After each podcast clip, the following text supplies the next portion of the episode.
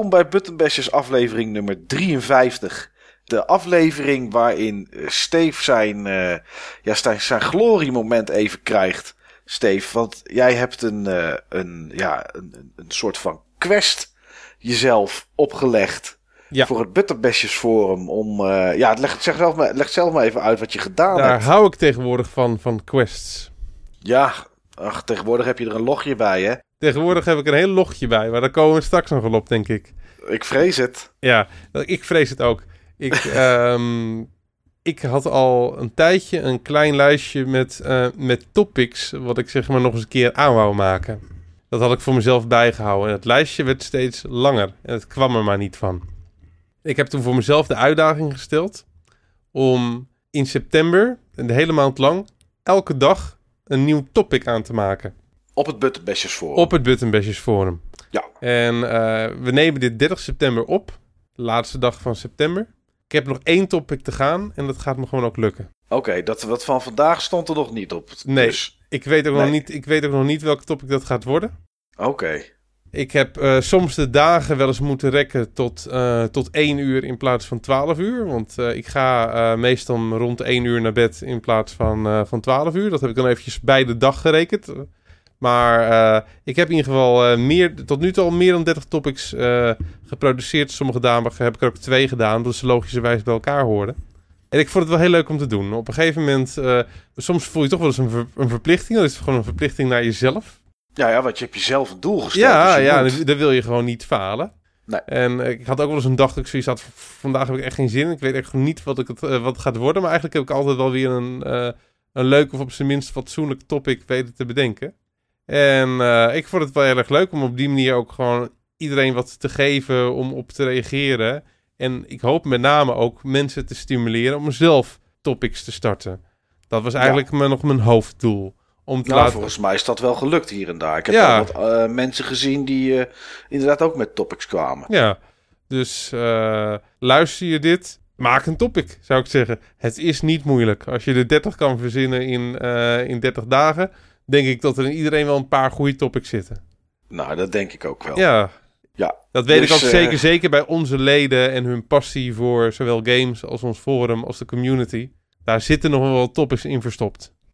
En verschiet niet al je kruid, hè? Want we moeten ook voor de podcast nog heel veel topics verzinnen. Ja, ja, maar die kunnen we ook, eh, sommige topics eh, eh, kunnen we ook gewoon gebruiken voor de podcast, hè. Absoluut, ja. Zoals, eh, zoals we dat vanavond eh, gaan doen natuurlijk. Zoals we dat vandaag gaan doen. Maar daar komen we zo meteen nog op terug als we het hoofdonderwerp bekend gaan maken. Ja, Ja, je had het al een beetje, zeg maar, laten doorcijpelen, eh ja, Mike. En dat was iets waar ik echt enorm nieuwsgierig naar ben. en Wat ik eigenlijk morgen aan je wou vragen. ja. Maar heeft deze actie nou nog ooit effect gehad op onze bezoekers en gebruikscijfers? Nou, het is natuurlijk moeilijk om dat eh, te bepalen, omdat je Ja, niet je weet zit met seizoen, de- je zit met seizoeninvloeden. Precies. En, Precies, eigenlijk zou je dan, eh, als je goed wil kijken hoe de septembermaand het doet, moet je dat eigenlijk van de afgelopen vier, vijf jaar bekijken. En daarnaast moet je dan natuurlijk ook bekijken het aantal leden wat je dan hebt. En dan moet je allerlei moeilijke eh, wiskundige formules op loslaten. Nou, dat gaan we allemaal niet doen.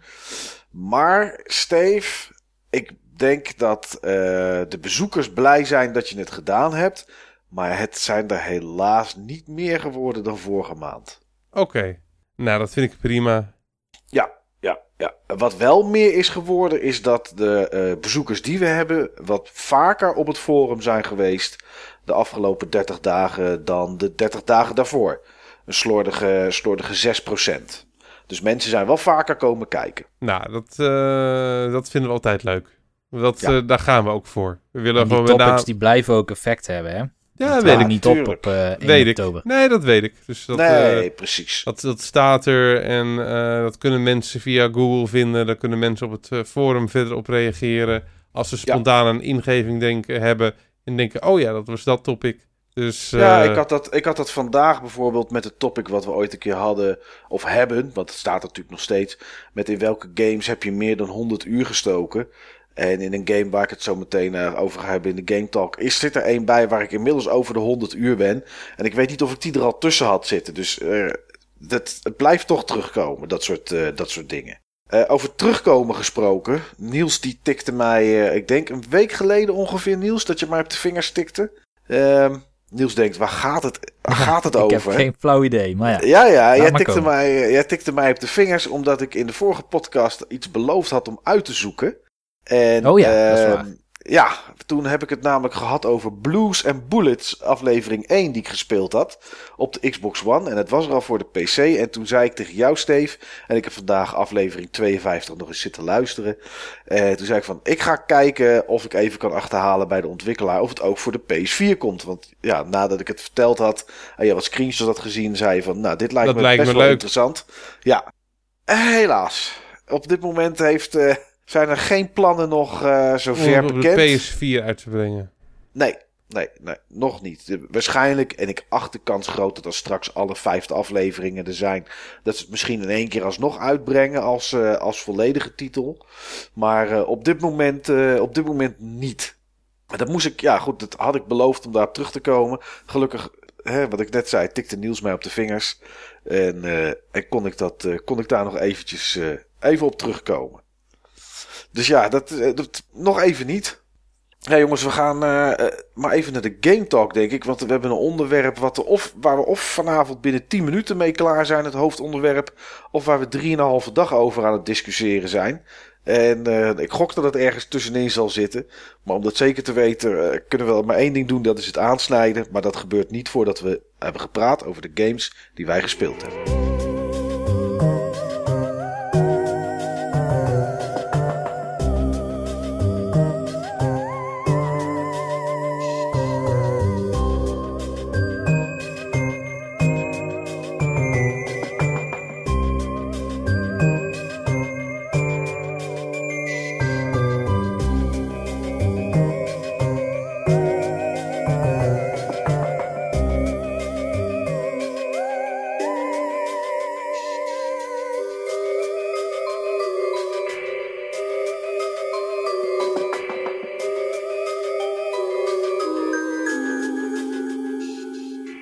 Steve, Ja, Mike. ik durf eigenlijk niet bij jou te beginnen. Maar ik doe het toch. Ja, dat, is, dat is prima hoor. Ik ga niet vragen wat heb je gespeeld. Ik ga het gewoon rechtaf, recht toe, recht aan, op de man afvragen. Hoe is Destiny op dit moment? Destiny the Taken King. Nou ja, er is, wat ik gehoord heb van andere mensen is dat er sowieso met update 2.0 die nu uit is, ook al heb je nog geen enkele expansie, heb je, niet enkel, heb je geen enkel stukje DLC of de Taken King, dat, je, dat er best nog wel een hoop veranderd is ook al aan de game. Dus hoe, hoe is het ermee? Klopt, klopt. Er is veel veranderd. Alleen zonder de Taken King heb je eigenlijk weinig aan al- alles wat er veranderd is. Omdat jij dan eigenlijk niet bij de content kan om volledig van die veranderingen te profiteren. Oké, maar ik had begrepen, natuurlijk is eh, eh, Pieter Dinklage vervangen. Dat is nu Ja. Nolan North. Ja, eh, als de stem van Ghost. Maar ik heb begrepen dat als je het nu zou gaan spelen, dat je ook een stuk harder levelt en een stuk sneller levelt dan dat dat voorheen is. En Anders. Dat Anders. Oké, anders. Ehm, nou, ten eerste, ehm, Destiny is op dit moment helemaal geweldig. Voor de mensen die het al, ehm, eh, zeg maar, een jaar spelen. Het verschil is echt heel erg groot. Ehm, heel veel van de, van de zaken die we in het verleden wel eens hebben aangesneden, die ik met name ook zelf aangesneden heb ehm, eh, rond Destiny qua kritiek, eh, van tot het qua mechanics en eh, met name gewoon de gameplay, het schieten, dat echt helemaal perfect was. Maar dat, ehm, dat zeg maar het, het MMO-RPG gedeelte eigenlijk wat te veel rammelde. En tot ik, eh, tot naar mijn gevoel kwam, tot, Des- omdat Bungie daar gewoon nog te weinig ervaring mee had. Ja, ze hebben die, ervaring, die ervaring gewoon simpelweg opgedaan in een jaar tijd. Ja, En dat hebben ze nu gewoon toegepast. En dat merk je echt aan van alles. Ehm, ehm, waar je zeg maar eerst echt continu eh, dezelfde dingen deed en het voelde als grinden. ehm, doe je nu ook nog eh, wel steeds veel van dezelfde dingen, maar voelt het allemaal veel meer als een doel.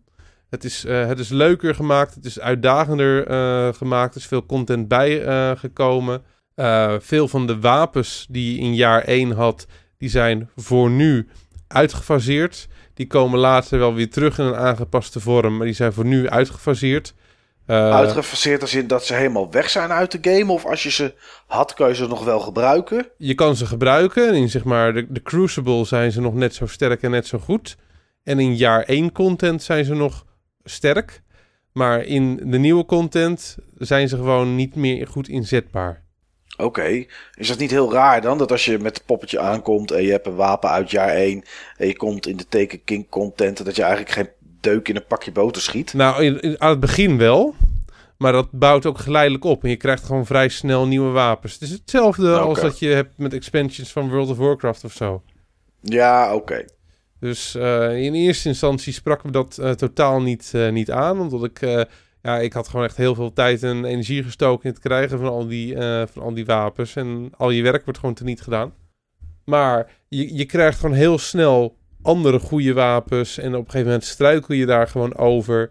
En de nieuwe wapens zijn ook echt tof. De nieuwe exotics zijn, zijn tof. De legendaries die je krijgt zijn, zijn, zijn goed.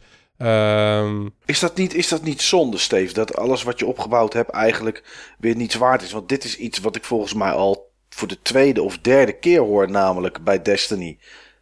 Ja, Dat maar de vorige keer, de vorige, hebt- hoor je voor de tweede keer. De Ja. laatste keer van dat, je, dat, ik je dat ik jullie erover sprak, toen kon je juist je oude dingen zeg maar weer levelen naar het hoogste niveau.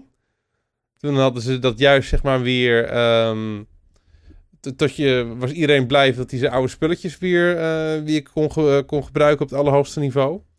Maar eh, nu hebben ze dat juist losgelaten. Kijk, je mensen moeten ook iets te doen hebben om, eh, om weer te verzamelen en te chasen. En dat geeft het ons ook wel. En ik moet zeggen, dat als ik gewoon kijk naar, ehm, naar een aantal van de exotics die bijvoorbeeld nu in het spel zitten, denk ik ook dat ze een gewoon veel beter besef hebben van wat werkt en welke kant ze, eh, ze op willen. Een paar van de populairste wapens die eigenlijk voor nu uitgefaseerd zijn, die geven eigenlijk precies aan wat er mis was met, eh, met Destiny. Ehm, twee van de belangrijkste exotics in de PvE-content zijn de Icebreaker en de Gallahorn geweest. De Icebreaker, dat is een hele sterke eh, sniper die zijn ammo zelf weer op terugvult. Dus dan kan je echt mee campen en op veilige afstand van bazen blijven, jezelf een beetje verstoppen en zo gewoon blijven knallen, knallen, knallen tot het ding eindelijk dood is. En de Gallahorn, dat is gewoon een zeer overpowered rocket launcher.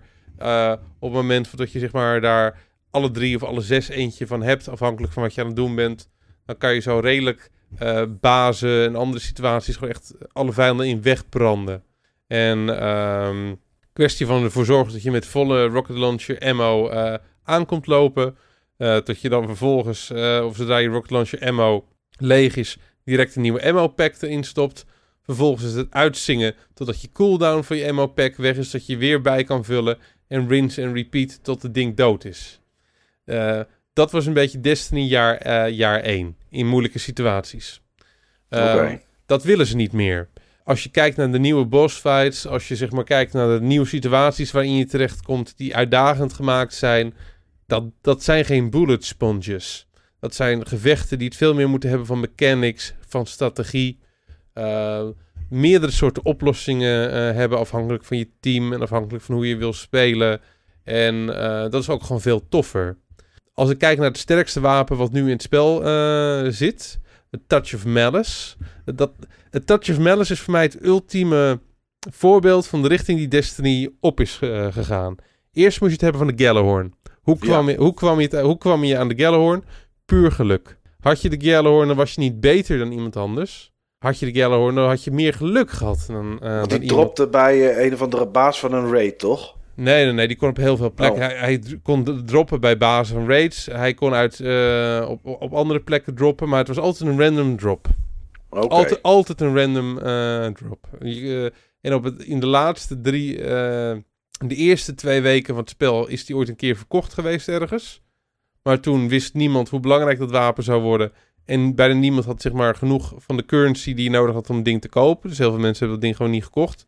En in de laatste drie weken van jaar 1 is die nog een keer verkocht. Maar ja, toen wist iedereen dat die al genurfd, dat die genurfd zou worden. Dus eh, Ja. ja. Een, ehm, maar het sterk, dat moest je dus. Je moest gewoon geluk hebben zodat het ding zou droppen. Het sterkste wapen wat nu in het spel zit. Een aantal wapens zijn nog niet eens in het spel. Die heet A Touch of Malice. Dat is een goede eh, goed gebalanceerde scout rifle, een primary. Die gewoon schiet zoals eh, eigenlijk alle andere eh, scout rifles van, van Destiny. Niks bijzonders. Totdat je hem zeg maar ingedrukt houdt en je hem automatisch laat schieten. Als je hem automatisch laat schieten, dan gaat er geen ammo van je, van je voorraad uit, uit, uit je Mac. Ehm, dan wordt hij ook steeds sterker naarmate je, eh, je blijft eh, schieten. Ehm, alleen bij elk schot wat je in automatische modus lost, gaat er een klein stukje van je lijf af. Oké. Je schiet jezelf echt gewoon letterlijk dood. En ehm, er zijn gewoon situaties waarin je zeg maar dat, eh, waarin dat ding gewoon echt extreem krachtig is. Alleen je moet altijd voorzichtig zijn wanneer je hem inzet en, eh, en wanneer niet. En je moet ook gewoon letten op omdat je stopt. En op Maar is dit ook weer een random drop dan, Steve? Nee, deze moet je verdienen via een questline. Die questline is lang, die questline is vrij moeilijk, maar dan heb je hem gewoon echt verdiend. Ehm, het is eh, een wapen wat heel erg situationeel is. In de situaties waarin je hem, eh, waarin je hem zou in kunnen zetten, heeft het ding ook enorm veel, eh, veel meerwaarde. Het is, echt, het is echt gemaakt als een wapen voor raids en voor bepaalde bosses. En hij, hij helpt echt gewoon enorm. En als je hem hebt, dan heb je hem gewoon verdiend. En eh, het- is niet zeg maar. En er blijft gewoon strategie bij, eh, bij kijken. Want ja, blijf je ermee schieten. En let je Ja, niet dan op, ben je dood. ben je dood. Ja. En als je doodgaat, er zit een, eh, er zit een cooldown op van 30 seconden. Van dat je zeg maar in de moeilijke stukken weer teruggebracht kan worden. Dus dat heeft gewoon consequenties. Oké, en, en, en nog even de, kort, de content zeg maar die toegevoegd is. Er zijn story missies, ik geloof dat het 8 tot, tot 10 uur ongeveer, dat, door de story missies heen. Klopt Ja, dat? story missies ben je denk ik zeg maar. een- inclusief de strikes ben je denk ik zeg maar. eh, met een dag, anderhalve dag max, ben je daar wel doorheen. Ehm, maar de echte content zit hem in. eh, ja, in allerlei quests die je moet doen. In allerlei soorten eh, geheimen. Eh, in het nieuwe gebied wat erbij is gekomen. Wat eigenlijk een soort van gewel enorme dungeon is. Die echt vol met soms haast Zelda-achtige puzzels eh, zit. Het spel zit nu echt gewoon doordrenkt met geheimen. Eh, er zijn bepaalde exotics waarvan we weten van dat ze er zijn. Maar niemand heeft ze nog en niemand weet nog hoe je eraan komt. Oké, vorige week woensdag werd, werd de Destiny community gek. Omdat er een geheime exotic ontdekt was. Waarvan niemand zeg maar wist van dat die, eh, dat die bestond. En die kon je alleen krijgen door een geheim pad te nemen in de dagelijks uitgerichte missie, de Daily Heroic. Dan kwam je zeg maar in een heel ander stuk. Ehm, en dan moest je binnen 10 minuten moest je jezelf daar doorheen banen. En zowel de baas als, alle, als echt alle vijanden daar van dat eh, stuk eh, verslaan. En dan kreeg je die exotic. En het was enorm moeilijk en het was enorm uitdagend. Sommige mensen is het gelukt en met name heel veel niet. En de dag daarna was die kans eh, verkeken. Maar die kon je echt alleen maar doen op het moment dat die specifieke missie de Daily Heroic was. ik hoor het al. En van, vandaag is die het weer. Dus vandaag ga ik het ook absoluut weer proberen met mijn matties. Ze hebben de, de, de verslaving alleen maar groter gemaakt door daily quests eraan te hangen waar, eh, waar speciale items aan zitten. Ja, en het is zo slim. Het is zo slim. Eerst, eh, waren de belang... Eerst hingen de belangrijkste rewards op, ehm, op wekelijkse activiteiten. Ja, Ehm, op de wekelijkse activiteiten hangen nog steeds goede rewards. Maar de beste rewards, eh, die zijn eigenlijk nu verschoven naar de dagelijkse activiteiten. oké. Dus eh, het zijn maar korte activiteiten, maar het houdt je wel zeg maar echt ja, vast in, Dagelijks bezig. ja, vast in dat spel. En ehm, ik, eh, ik ken veel mensen die het spel echt al spelen vanaf dat het uit is. Die zijn echt allemaal enthousiast over deze expansion. Het is ook echt een expansion en geen DLC. Nee. En ook aardig wat mensen die gestopt zijn met spelen. Ehm, een deel daarvan heb ik zeg maar eh, eh, wat, wat mailtjes gestuurd of wat appjes of op een andere manier contact van joh, probeer dit, want dit is tof en iedereen is enthousiast. Eigenlijk iedereen die ons op die manier was ontvallen, vindt het nu ook weer helemaal geweldig. Dat is knap. Ik vind het, ik vind het knap. Ja, het is niet knap als jij gratis ligt te promoten voor Bungie dat het iedereen weer terug moet komen in het spel. Ja, dat, dat niet, maar eh, dat klopt. Maar laat ik het zo zeggen, ik vind het wel, ik vind het wel knap van dat je zeg maar mensen die juist zeg maar echt waren afgehaakt, Mhm. Dat, je- dat je ze dan op het moment van dat ze er, eh, dat ze er zeg maar weer mee in aanraking komen, dat ze dan ook direct hun mening weer volkomen bijstellen. Dan heb je, Ja. wel, dan heb je het wel begrepen. Nou ja, ik ben, eh, ik ben benieuwd, Steve, hoe lang het leuk blijft nog. Want volgens mij is er nog geen volgende uitbreiding, DLC of wat dan ook eh, Nee. eh, aangekondigd. Nee, klopt. Ik, gok, ik gok ook dat dat dit jaar sowieso niet meer is. Dat zal wel ergens eh, begin volgend jaar worden. Verwacht ik, ook, de- verwacht ik ook. Komen als het goed is nog twee eh, kleinere stukken DLC eh, aan. En maar- dan komt Destiny 2. Weten we niet. Misschien eh, komen er wel meer eh, stukken DLC aan. Maar ik moet zeggen, in, met de, de route die Bungie nu genomen heeft, is het ook veel makkelijker om goede, toffe content toe te voegen via die quests. Oké. Want het zijn met name de quests die ze toegevoegd hebben, die eh, zorgen voor de longevity in het, eh, in het spel, voor de extra levensduur. Ja, die quests vond iedereen eigenlijk al leuk. En er waren één of twee van dat soort quests eh, die je eigenlijk standaard tegenkwam in het verhaal. En bij bepaalde exotics die je, waar je een random bounty voor kon krijgen, dat waren eigenlijk ook quests. En iedereen vond die quests gewoon cool. En nu hebben ze het eigenlijk gewoon een integraal spel, deel van het spel gemaakt. En het is, het is veel meer een MMO geworden. Oké. Het Dus, klinkt in eh, ieder geval een stuk beter inderdaad al. Ja, het is gewoon... eh, eigenlijk, als ik eerlijk ben, is dit waar het spel vorig jaar had moeten zijn. En vorig jaar had kunnen zijn. Nou, dan ga ik het eh, zeker niet proberen als ze een jaar lang iets op de plank hebben gelegd. wat het eigenlijk Nee. niet was en het nu pas Nee. is. Nee, Dan ga ik er niet meer het is, aan het, is niet, het is niet op de plank gelegd. Het is niet op de plank gelegd. Ze hebben gewoon andere keuzes gemaakt. Ja. Ze hebben gewoon andere keuzes eh, eh, gemaakt. Ze hebben zelf denk ik gewoon te weinig beseft. Eh, Je merkt gewoon alles van dat er gewoon dingen misgegaan zijn in dat team. En dat merk je aan het gedonder wat er zeg maar ook naar voren is gekomen. Al die rechtszaak met eh, die sounddesigner die op straat was, eh, was gezet. Dat merk je aan andere soorten verhalen. Ze waren op een gegeven moment een beetje gewoon de draad kwijt. En naar mijn gevoel was het gewoon overambitie. In, com in combinatie met een genre waar ze eigenlijk te weinig ervaring in hadden. Nou, we gaan het eh, meemaken in de komende maanden. We gaan het, Steven, we gaan het eh, meemaken en ik ga jullie ongetwijfeld wel eh, ehm, daarover verslag doen. Ik heb, over- ik heb overigens meer gespeeld hoor, maar daar kom ik straks nog wel op. Ja, ja, ja, we zullen zo nu en dan eens om een, om een update eh, vragen, Ja. Steve. Kijken of het nog bevalt.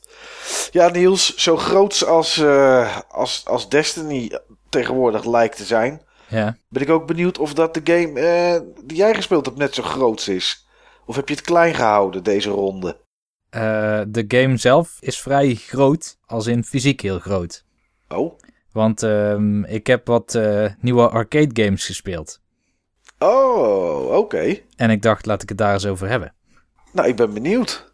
Volgens mij kwam het al aan bod in de vorige podcast, maar inmiddels ben ik eh, naar Japan op en neer geweest. Ja. En een van die dagen heb ik ook even een arcade bezocht. Of ik heb twee keer een arcade bezocht om te kijken wat nou de nieuwe arcade games waren daar. Omdat dat daar nog best wel leeft.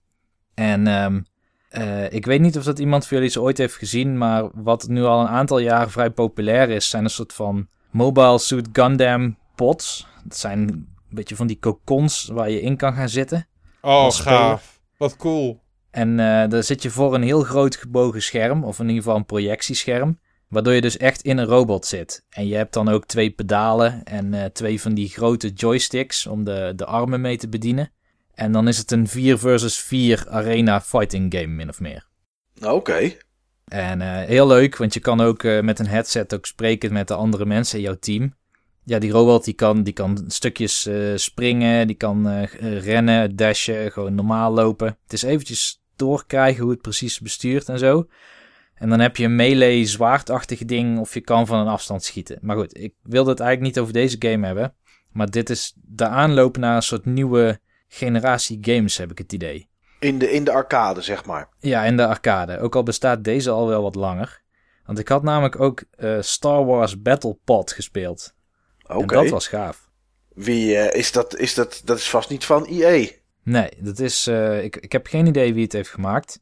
Misschien zelfs gewoon Bandai Namco of Namco Bandai. Ik weet niet meer in welke volgorde Uh, eerste B. Het is, het is Bamco. Ben, Bandai Namco. Oké, Bandai Namco. Ik denk dat, dat zij het hebben gemaakt omdat de technologie in ieder geval draait op... Uh, volgens mij zaten zij ook achter die Gundam games. Oké. Ik kan het verkeerd hebben. Maar goed, Star Wars Battlepod, daarin zit jij in een... Uh, tenminste, je hebt drie missies waar je uit kan kiezen. En ik heb de missie gekozen uit de film A New Hope. Waarin jij zeg maar over de Dead Star vliegt met een eh, X-Wing. En dat je in die greppel moet. Ja, ja, ja. In die, in die soort loopgraaf, zeg maar. Het bekende, bekende stukje uit de, uit de eerste film. Ja, precies. En het is dus een, eh, een ja, first-person ervaring. Dus je voelt e- je alsof je echt in een X-Wing zit. En het heeft ook weer zo'n controls. Dus je hebt weer twee sticks.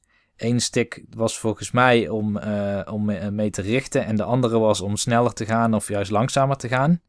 En je hebt eh, pedalen, als ik, als ik me goed herinner. Het is alweer eventjes geleden inmiddels natuurlijk. Eh, maar wat mij heel erg opviel is hoe trouw aan de film alles eruit zag. En je bent eigenlijk een soort dogfight aan het doen. Zoals je bijvoorbeeld in, ehm, in de Star Fox games ook tegenkomt. Ja. Eh, maar je hebt niet zo echt bewegingsvrijheid. Je kan hooguit een klein beetje vanaf een soort pad bewegen. Maar toch heb je wel het idee dat je er helemaal in zit. Omdat de geluidseffecten heel erg kloppen. De special effects zien er precies zo uit als in de film. Het is gewoon heel grafisch verzorgd allemaal. Alleen het enige nadeel was, het zat wel vol met van die quicktime events. Dus dan staat er je, moet, je moet bijvoorbeeld zo'n bom droppen in het hart van de, van, van de Dead Star. Ja, en dan staat er heel snel in het Japans wat je moet doen. Ja, dat is voorbij voordat ik door heb wat er staat. Ja, ja, dat is dan niet te halen. En wat is, wat, wat is de grafische eh, eh, stand, zeg maar, van dat soort games, eh, Niels? Denken we dan aan, aan iets wat uit een PS4 zou komen? Zitten we daarboven? Daar ben ik eigenlijk wel benieuwd naar. Ik denk wel dat dit uit een PS4 zou kunnen komen. Oké. Het zag eruit als een soort van next-gen versie van die GameCube Star Wars game. En die Oh, zag ja, er al heel goed ja. uit. Oké, oké. Dus het is, het is. Ja, volgens mij zitten er tegenwoordig PC's in. In heel veel van die kasten. Ja, volgens Wat ik, mij begre- allemaal. wat ik beg- begrepen heb. En daarom is het ook natuurlijk met netwerkdingetjes en eh, kasten aan elkaar koppelen iets makkelijker. Maar, eh, en, en, en loop je dan nog leeg op zo'n kast? Qua, eh, moet er in één keer eens 5 euro in om een potje te spelen? Of, ja, wel moest zeg maar omgerekend ongeveer 2,50 euro in.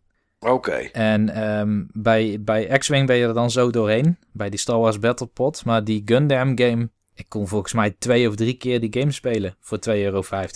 Oh, dat is wel netjes. En dat hing dan een beetje ook af van de prestatie van je teamgenoten, of niet? Ja, want we waren wel eerste. Dus misschien lag het daaraan. Ja, Ook al lag wint, ik allemaal te door. kneupen met mijn robot. Oh, je was niet een echte Gundam-stijl. eh. nee, ja, het, het duurde zeker één heel potje voor ik door had bijvoorbeeld hoe je kon springen.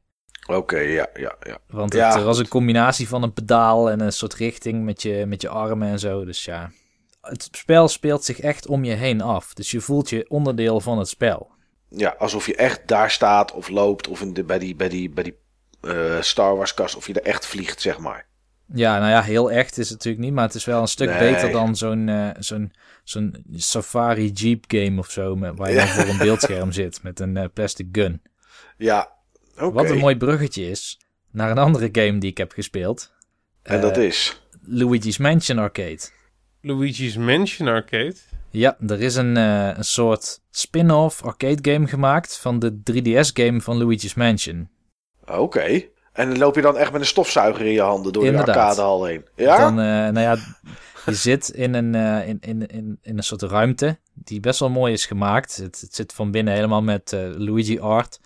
Maar je hebt wel zo'n zo'n poltergeist stofzuiger ding in je hand inderdaad. En ehm, die kan hetzelfde als in die tweede Luigi's Mansion game. Iets met Moon heette die, maar ik ben de titel vergeten.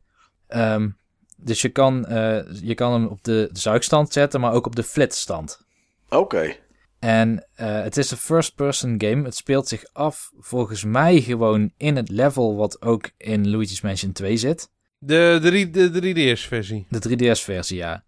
Ik kan me nog die, eh, zo'n soort hal herinneren met een trap eh, eh, waar dan zo'n kluis bij zit. En die kluis die kun je in de 3DS-versie open flitsen. Ja, dat werkte hier niet. Dat heb ik ook meerdere keren geprobeerd. Maar wat hier wel heel erg leuk gedaan is, is dat ehm, je kan dan richten op zo'n spook en de zuigkracht aanzetten. En dan moet jij in tegengestelde richting van het spook moet je je stofzuiger bewegen. Je moet er als het ware aan wegtrekken. En uh, sommige spoken die hebben schildjes waar ze achter verschuilen. En dan kun je ze niet opzuigen. Dus dan moet je wachten tot ze om het hoekje kijken van het schild. Dan moet je heel snel flitsen. Dan zijn ze heel even stand. En dan kun je ze dan pas opzuigen. Het is echt een uh, soort interessante spin-off geworden. Steve, wij wonen echt in het verkeerde land, hè, als ik dit zo hoor. Ja, dit klinkt echt wel heel erg cool. Potverdorie, gewoon een Luigi's Mansion kast. Ik heb er een filmpje van gemaakt, dus ik zal kijken dat ik hem op YouTube kan zetten. Oh, Dan, dat uh, zou wel heel gaaf wel zijn. op het forum. En dat heb ik ook van uh, Star Wars gedaan trouwens. Oké, okay, nou ik, ben wel erg benieuwd. Ik heb daar een topic voor lopen in mijn 30 dagen challenge. Oké. Okay. Ja, als er iets nu is, Steve heeft er een topic van, hè? Ja. Dat is, uh, daar ontkomen we niet meer aan. Oké. Okay. Ik heb nog een laatste arcade game waar ik het over wil hebben. Maar deze is denk ik wel um, iets waar mensen naar uitkijken. Dat was uh, Pokken Tournament. Oh, ja. Die komt volgend jaar voor de Wii U. Klopt, ja. En het is van de makers van Tekken. En dat merk je overal aan. Ja, het is uh, van die beetje slome, trage combat. Ja. Oh, verschrikkelijk vind ik dat. Tekken is echt mijn minst favoriete fighting uh, franchise. Oké, okay, ja, ik vind het zelf wel leuk omdat Tekken niet echt een trucjesgame is. Ja, je moet echt je tegenstander anticiperen en daarop reageren. Ja. Dat vind ik wel iets heel puurs of zo, net als Virtua Fighter vroeger had. Ja, die vond ik wel leuk. Maar Tekken altijd, ja, ik weet niet. Het is op het moment dat er impact is, als je slaat of schopt, is er een soort van, lijkt het wel of het net allemaal even iets vertraagt of zo. Ik weet niet wat het is. Ja, je doet een korte stun of zo. Met Ja. de tegenstander. Maar goed, het Pokken Tournament heeft in ieder geval het, het battle systeem best wel aardig overgenomen van Tekken. Dus uh, het heeft ongeveer dat tempo. Het voelt ook echt als Tekken. Um, alleen bij Tekken had je dat je boven kon schoppen, onder kon schoppen, midden kon schoppen. En je kon ook op al die niveaus, of misschien was het maar op twee niveaus, maar ik dacht op drie niveaus kun je ook blokken. En um, dat hebben ze iets versimpeld in Pokken Tournament. Dus je hebt eigenlijk alleen maar één blok, gewoon recht vooruit. En je hebt ook niet meer rare moves die onder of boven iemand langs gaan. En dan denk je van ja, het is wel versimpeld. En dat dacht ik ook toen ik de trailer zag. Ik zag het als een soort versimpelde Tekken game. Maar als je het speelt, merk je toch dat het eigenlijk niet simpeler is. Het is anders. Um, een van de dingen namelijk is, uh, je hebt ook aerial attacks. Dus je kan de lucht in en vanuit de lucht dingen lanceren. Uh, je hebt ook projectielen. En dat had je volgens mij ook niet bij Tekken. Want het was allemaal melee combat. Gewoon direct Ja. aanvallen. Volgens mij heb je zelfs ook nooit wapens en dat soort dingen gehad. Ja, uh, Yoshimitsu, die had natuurlijk zijn zwaard. Ja. Maar voor de rest is het Ja, dat telt niet. Telt niet. Nee, Ik had in ieder geval Blaziken. Je hebt maar heel weinig karakters trouwens. Volgens mij waren het er maar negen. oké. Uh, dus ik hoop dat, dat het geüpdate wordt voordat die Wii U-versie uitkomt. Want negen karakters is niet zoveel meer voor een fighting game van tegenwoordig. Nee, dat moet toch wel naar de 16 of de 20 tegenwoordig, wil het een beetje interessant zijn. Ja, inderdaad. Dus je kon, uh, je kon een van de grote, ja, het zijn van, zeg maar van die mega-evoluties van de meer bekendere fighter-type Pokémon kon je kiezen. En um, die kunnen ook evolueren nog tijdens, uh, tijdens de wedstrijd. En dan worden ze korte tijd nog een stuk sterker. Maar je kan ook een soort sidekick Pokémon uitkiezen. Voor de mensen die de Pokémon kennen heb je dan bijvoorbeeld zo'n Snivy. Zo'n heel klein beestje is dat. En die kan dan, als jij vaak genoeg geblokt hebt of geraakt... Ik heb het niet helemaal begrepen wanneer je nou die powermeter opvult. Maar dan kun je die loslaten. Oké. Okay. En uh, ik heb... Uh, ik zat gewoon te spelen tegen de computer. En op een gegeven moment stond er... Here comes a new challenger. Ja, dan ga ik al zweten, want het zijn Japanners. Ja. Die uh, zijn apengoed in dit soort spellen. Maar gek genoeg won ik die game. Ja, dat, dat voelde ik al aankomen. Je gaf hem klappen, ja? Uh, ik denk dat het een zij was. Oh, oké. Okay. Je weet niet, er was niet iemand die naast je stond of zo? Nee, nee, want er staan veel van die kasten langs elkaar en tegenover elkaar. Dus ik kon ook niet precies zien wat andere mensen aan het doen waren. Maar uh, het vreemde was wel dat bij de rematch werd ik extreem hard ingemaakt. Ik had echt geen enkele kans. Dus volgens mij waren het twee mensen. Oké. Okay. Die samen misschien gespaard hadden voor één potje. Dat zou zomaar eens kunnen. En dat ik dan eerst tegen het vriendinnetje moest spelen. En toen zij verloor dan tegen de vriend zelf. Die mij ja. dan gruwelijk hard inmaakt. Oké. Okay. Nou ja, en, en, en, grafisch gezien, is het, is, krijgen we dit precies zo op de Wii U? Of wordt er nog wel wat aan gesleuteld, denk je? Ik denk dat het precies zo op de Wii U komt. Het ziet er niet zo heel erg goed uit. De karakters zijn heel mooi, maar de omgevingen zie je wel dat het best wel low poly is. En best wel simpel. Ja, Maar ik ben vooral benieuwd bij die poort naar hoe ze met die camera omgaan. Ehm, want misschien heb je het wel gezien, eh, de camera is schuin van achter je karakter. Ja. En dat komt ook omdat jij eh, in een arena echt kan rondlopen. Dus het is niet op één lijn zoals Tekken heeft. Je kan echt om de ander heen lopen en zo. Eh, in een 3D-omgeving. Je hebt ook een controller vast in plaats van dat je met een joystick en buttons eh, het speelt. Oh, oké. Eh, Wat, voor soort controller zit er dan aan? Een, apart daarvoor gemaakte controller? Of? Ja, het is een apart gemaakte controller, maar er zit alleen een 4-punt druktoets op. En volgens mij een A en een B-toets en shoulder buttons. Oké, dat is het. Geen, geen analoge sticks. Nee, die zaten er niet op, nee. Oké. Maar ja, er zit dus in ieder geval veel skill in die game. Het is ook volgens mij best een aardig populaire, in ieder geval in de, in de arcade eh, scene, aardig populaire fighter nu. Dus ik ben benieuwd waar het eh, naartoe gaat. Oké. ik heb nou in ieder geval wel zin om hem vaker te spelen. Oké, nou, ik eh, ben benieuwd als het uitkomt op de Wii U of het, hoe het er dan uitziet inderdaad. Maar ik weet van Tekken 7 dat, die in, in- dat dat ze die kasten af en toe in Japan updaten voor nieuwe fighters erbij. Dus misschien- misschien doen ze dat ook wel met, met Pocket Tournament. dat er ook nog wel updates komen en dat ze er nieuwe personages bij stoppen. Maar goed, daar heb je niet zoveel meer aan nieuws, want eh, ja, je bent niet meer daar. Nee, Maar eh, nou, interessant om te horen dat het daar nog steeds. eh, ja, we weten natuurlijk wel dat het daar nog steeds leeft. Maar dat, het ook, ja, dat er gewoon ook echt nog nieuwe dingen zijn. En ook dingen waar wij ons over kunnen verbazen. Dat Ja. is wel. dat want is ik wel was gaaf. er nog vorig jaar, nog geen jaar geleden. En toen stonden die er nog niet. Dus er gebeurt nog steeds veel. Oké, hm, dat is wel gaaf. Ja, ik, eh, mijn, ja, god, mijn game waar ik het heel even kort over wil hebben, die ik gespeeld heb, is niet zo heftig als, eh, als stofzuigers en, eh, en X-Wings. Is niet zo uitgebreid en, eh, en opgepimpt als, als Destiny. Maar ik heb, eh, ik heb niet zo gek veel gespeeld de laatste twee, drie weken. Maar wat ik wel weer gespeeld heb, en dat is de game waar ik in het begin eh, aan refereerde, waar ik nu over de 100 uur eh, zeker weten op zit, is Bloodborne. Ik had Dat het heb kunnen weten. Met die Ja. DLC of zo. Nou, die DLC is er nog niet. Ja. De DLC komt 24 november. eh de Old Hunters heet het. En ik, ik heb daar een beetje een fout bij gemaakt. En de fout is dat ik, ehm, en dat heb ik in eerdere podcasts ook gezegd, dat ik Bloodborne eigenlijk niet uit wilde spelen. Ik was bij de eindbaas en ik wilde die eigenlijk niet uitspelen, omdat ik eigenlijk, het klinkt heel kinderachtig, maar ja, zo zat het nou helemaal in elkaar, dat ik eigenlijk niet wilde dat Bloodborne uitgespeeld was. Ik wilde niet dat het op was. Eh, voor de rest deed ik niks meer met Bloodborne. Je had wel de, de, de challenge dungeons, de gegenereerde dungeons waar je in kon rondlopen. En die had ik nog niet allemaal gespeeld. Want er zijn ook een aantal die er gewoon door eh, From Software gemaakt zijn. Eh, ja, daar was ik eigenlijk weer een beetje aan begonnen. Omdat die DLC kwam en ik had eh, niet zoveel meer gespeeld. Dus ik wilde het eigenlijk weer een beetje in de vingers krijgen. En ik had een paar van die, eh, van die challenge dungeons had ik gespeeld. En toen dacht ik, nou laat ik toch nog maar even een keer de eindbaas proberen. Ik denk dat lukte toen niet echt. Toen heb ik hem denk ik een keer of 10, 15 geprobeerd. En eh, toen, ja, toen kwam ik er elke keer niet doorheen. En ik had toen niet echt de wil om door te zetten. En dat, ja, nu was het eigenlijk proberen. En toen dacht ik zo, gaat eigenlijk toch best wel weer aardig. En toen probeerde ik het nog een keer. En, en de, de- bij de derde keer dacht ik van, nou, ik doe het nu nog één keer en anders laat ik het gewoon zitten. En er was nog een reden voor, en dat is dat eh, de DLC die voor Dark Souls 2 uitgekomen is, ergens midden in de game is geplaatst. Bij heel veel games is de los, losse optie in het menu. Of ehm, nou, je kan, als je een nieuwe game start, kan je een andere kant op en dan wordt je personage naar dat level gebracht of wat dan ook. Maar bij eh, Dark Souls 2 zat hij ergens midden in de game.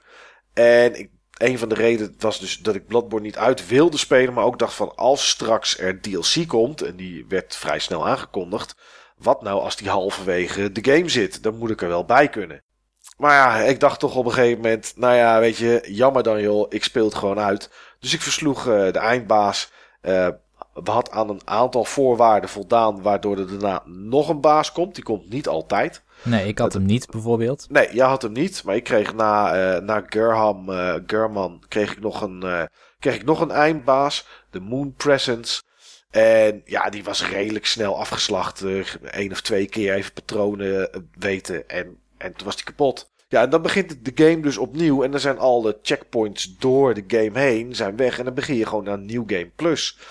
En een dag later een, ja, kondigden ze aan dat de DLC ergens halverwege, dat is wat ik er nu van begrijp, halverwege tot drie vierde van de game zit. Dus ik moet weer door, ja, door bijna heel de game heen om straks op 24 november die DLC te kunnen spelen. Dus daar ben ik aan begonnen. Ik, uh, ik ben gewoon weer Bloodborne aan het spelen op New Game Plus. Terwijl dat eigenlijk niet iets is wat ik uh, normaal gesproken zou doen. Als ik het uitgespeeld heb, dan ben ik er meestal wel klaar mee. Maar ja, nu ben ik, ja, ik ben gewoon opnieuw begonnen, jongens. Ik, uh, ik heb inmiddels de, de, als je de eerste optionele baas meerekent, heb ik de eerste drie eindbazen heb ik alweer dood. Ik moet wel zeggen dat ik er een stuk sneller doorheen loop dan de eerste keer. Omdat je zo vaak doodgaat dat je wel weet waar de, waar de tegenstanders precies staan. En uh, dus ja, je loopt er redelijk makkelijk doorheen. Je kent de timing van je wapen inmiddels. Dus ja, dat gaat eigenlijk wel aardig. Maar uh, ja, dat is wat ik uh, toch weer een beetje aan het spelen ben. Om, om me klaar te maken voor, voor 24 november. Mooi op tijd, Michael. Ja, ja, ja, ja, ja. Dan ga je toch kijken naar de trofies. En dan denk je, ja, daar is nog een trofie, die kan ik wel halen. Dus ik heb er zijn nog wat dingetjes die ik wil doen. En uh, ja, ik zou het wel, ondanks dat ik geen trophy hunter ben, het leuk vinden om hem op platinum te krijgen. En uh, dat had ik eigenlijk eerder moeten doen. Want afgelopen week kwam het bericht dat als je hem uh, op dat moment op platinum had, dat je een speciale theme kreeg voor je PS4. Speciale Blood, Bloodborne Platinum Trophy theme kreeg je dan. Maar ja, goed, dat, daar ben ik te laat voor. Dus nou goed, Steve, je zei net, uh, ik heb ook nog wat anders gespeeld dan Destiny. Ja. Ik, ik, ben benieuwd. Retro. Ah, kijk eens aan. En wat wacht dat wezen? Nou, verschillende dingen. Ik had uh, een tijdje geleden had ik hier uh, Joey over de vloer, een paar weken terug. En toen zijn we in het kader van een van mijn topics, zijn we zeg maar gaan, gaan speeddaten, zoals ik dat genoemd heb. Games gewoon die ik nog nooit gespeeld heb, gaan uitproberen. Oh ja, 10 minuten, ja. 10 minuten spelen, hè? 10, 15 minuten, ja. En, en daarbij en, hebben we wel vrij veel uh, gespeeld. En er was in ieder geval één spel wat ik uh, daarin kort gespeeld heb, wat, wat ik nog wou zeggen dat het een absolute draak is en dat niemand die moet gaan spelen. Oh, en welke is dat? Dat is uh, Zero the Kamikaze Squirrel. Oh ja. nou, ik weet niet wat het is, maar het klinkt wel goed. ja, het is echt gewoon een van de slechtste Sonic-klonen die ik ooit gespeeld heb. Oké. Okay. En dat is echt ook met rennen en, en door loopings en dat soort dingen allemaal. Net nee, mocht, echt... je, mocht je willen. Oh, dat is, het echt een hele slechte, povere clone met... Uh, de graphics zijn niet spe spectaculair. Uh, sommige van zijn animaties zijn wel goed. Um, het level design is saai. De, de graphics zien eruit zeg maar, alsof ze uit een Amiga uh, komen, waar niks mis mee is. Maar de Super Nintendo is geen Amiga. Uh, de muziek is repetitief en past niet bij het spel. Uh, het verzamelen van dingen voelt doelloos aan. Um, er zijn wel secret rooms, maar ik heb echt helemaal niks gevonden. En uh, de mechanics om in de secret rooms te komen is voor een groot deel hetzelfde volgens mij. Dan moet je steeds op een luchtballon zien te komen. En die brengt je dan naar boven. De meeste secret rooms zitten volgens mij allemaal in de lucht. De geluidseffecten zijn echt afschuwelijk. Het was echt gewoon een heel slecht spel. Oké. Okay. Ja, ik zou het een, ja. ik zou het een spel willen noemen, maar ik weet wat er dan gebeur, gebeurt met dat woord. Ja. Dan gebeurt ja, dan dat... dit. Ja. Nee. En als je het nou tegenover Bubsy zet, wat speel je dan liever? Oh jongens, echt. Dan nog liever Bubsy. Oké, okay, dan moet het wel echt heel slecht zijn. Ja, ik vond het echt heel slecht. Het is nog een duur spel ook. Ja, ik wou net zeggen, je hebt het toch ooit gekocht, Steve? Ja, ik had het volgens mij voor een goede prijs uh, toen. Volgens mij tussen, tussen de vier en vijf tientjes. Ik heb hem zelf, zelf samengesteld. Ik heb me uit losse delen samengesteld. Oh, uit, je, hebt de, je hebt boekje en de kaart, et cetera, ja. los. Maar vier, vijf tientjes en je noemt het goede prijs. Als ik dit zo hoor, dan is 40 of 50 cent is nog niet eens een goede prijs. Uh, ja, maar het is wel echt een spel wat meer dan 100 euro waard is uh, inmiddels. Nou, ik zou voor, zeggen... Voor mij niet, voor mij niet. Nee. Ik denk dat... Ik denk dat deze een keertje weggaat. Ja, dat, uh, dat mag ook wel. En misschien is de, is de box art niet heel tof. Nou, die is wel gaaf. Oké, okay, nou ja, dan zou je misschien nog de, gewoon de voorkant uit kunnen knippen. ja, ik denk dat ik dat gewoon ga doen. En ingaan, Oké. en in gaan lijsten. Maar die game heb ik kort eh, gespeeld. Die was ook zeker niet langer waard. Maar ik heb ook een game gespeeld. eh, die absoluut het spelen wel langer waard was. Die heb ik zelfs uitgespeeld. Oké. Niet met Joey alleen. Ik had heel lang in gedachten dat ik zeg maar voor het grote uitspeeltopic van Joey. Dat ik daar een keer een bepaald spel voor wou uitspelen. Een NES-game. En dat heb ik ook gedaan. Oké. Een van mijn favoriete NES-games van vroeger. Een game met unieke mechanics. Een eh, game waar ik eh, vroeger al heel veel, veel liefde voor had en die nog steeds heb. Bionic Commando. Oh, dat is, vind ik, ja. Daar heb ik ook een soort haat-liefde verhouding mee, moet ik zeggen. Hoezo dat dan? Hoezo die haat? Ja, aan de ene kant irriteert die game me, die, die mechanic met de arm. En ik krijg het soms, kreeg ik dat niet goed onder de knie en weet ik veel wat. En aan de andere kant vind ik het idee ook heel tof. Ja, ik kan me wel eens bij voorstellen. Maar goed, je hebt hem in ieder geval uitgespeeld, Steve. Ja, ik was er vrij snel doorheen. Ik had hem vroeger al een paar keer uitgespeeld. Eh, als je eenmaal weet gewoon wat je moet doen en eh, als je weet zeg maar waar, eh, waar de shortcuts in de levels zitten, waar ik weet niet eens of het shortcuts zijn, maar als je weet wat de meest efficiënte manieren zijn om door die levels heen eh, te gaan, ja, dan gaat het wel redelijk rap. Oké. En wat is redelijk rap? Drie, vier uurtjes? Ja, zoiets denk ik. Oké. Nou, Dus, maar ik heb, er, eh, ik heb er quality time mee eh, gehad. Oké, en dan zeg je het is vrij makkelijk. Loop je dan toch nog ergens tegen moeilijke stukken aan? Of is het eigenlijk allemaal wel redelijk makkelijk om doorheen te lopen? Als je de mechanics gewoon door hebt, Ja, dan is het wel goed te doen. oké. Wat is jouw gevoel erbij, eh, Niels? Want volgens mij ken jij hem wel, toch? Ja, ja, ja, ik ken hem. Het is ook een hele populaire speedrunning game, heb ik gezien. Klopt. Maar, eh nou ja, ik ben het ermee eens. Ik vind het zelf in ieder geval mechanisch gezien heel interessant. En vooral eh, in dat tijdperk, je had wel meerdere games die zo'n soort, ja, niet helemaal grappling hook, maar bijvoorbeeld je hebt Rocking Cats. En dan heb je een soort van bokshandschoen waarmee je dingen kan vastgrijpen en jezelf kan wegslingeren en zo. Maar dat was qua timing bijna niet te doen soms. En, ehm, En Rockin' Cats, dat is wel nieuwer dan Bionic Commando, hoor. Bionic ja, dat is ook nieuwer dan Bionic Commando, maar het doet het zeker niet beter dan Bionic Commando. Hij doet het zeker niet beter dan eh Bionic Commando. Nee. Ik moet hem zelf nog een keer kopen. Ik heb hem niet, maar ik heb hem vroeger ook wel gespeeld, ja. Nog, een- nog een andere korte titel die je in die 10 minuten misschien gespeeld hebt, uh, Steven? Nou, Je ik, ik, heb, ik heb de dingen wel uitgelicht die ik eruit wou lichten voor nu. Oké. Nou, Niels, je had het net over een kers op de taart. Ja. Nou, eh, ik, ik zit er klaar voor met mijn servetje. Ja, die taart moet je wel zelf maken, Mike.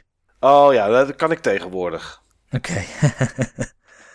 ja, dit, ehm, ik was het eigenlijk niet van plan, maar eh, tenminste, ik wist niet of dat het de moeite waard zou zijn om eh, er iets over te vertellen en hoe lang ik het zou spelen. Maar eh, Super Mario Maker wil ik toch iets over zeggen. Oh, het is die kers en die taart. Ja, en dat doe ik niet omdat eh, Tom eh, van het forum altijd eh, trouw zit te luisteren en het leuk vindt als we weer eens een keer Super Mario Maker name droppen. Had er trouwens wel gelijk in gehad dat het een populaire game ging worden.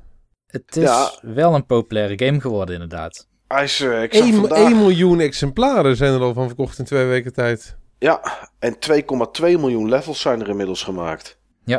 Waarvan niet alle levels natuurlijk heel gaaf zijn, Nee, uiteraard maar niet. ook een heleboel wel.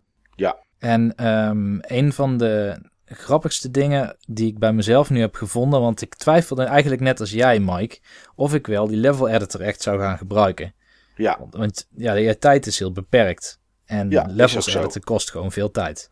ja, zeker weten. Als je iets leuks wil maken, dan ben je daar wel even mee, mee bezig. En ik twijfelde inderdaad daarom of ik de game moest kopen. Ehm, eh, ondanks dat het op de Wii U is natuurlijk. En ik daar niet zo'n hele grote fan van ben. Maar de game zelf sprak, me, eh, sprak mij altijd voor de rest wel aan. Al heb ik wel eens anders doen vermoeden natuurlijk. Ja, Maar naarmate de release meer in, in zicht kwam, dacht ik toch van ja, dit is. Weet je, het, het lonkt toch ergens wel. En ik heb redelijk wat streams zitten kijken. Eh, er is één, eh, één Twitch-streamer, Trihex. Die eh, doet altijd de speedruns van eh eh, Yoshi's Island. En die speelt heel veel levels. Ja, er zitten toch echt wel hele gave dingen tussen. ja. Ik heb toevallig vandaag nog een post gemaakt op het forum van een level eh, Pango Spit of zoiets. Of Pit of Pango, nog iets. Dat is een van de allermoeilijkste levels. En dat is een uh, playthrough van een Japanner die dan dat level uitspeelt. En die dan helemaal uit zijn dak gaat als hem dat eindelijk lukt.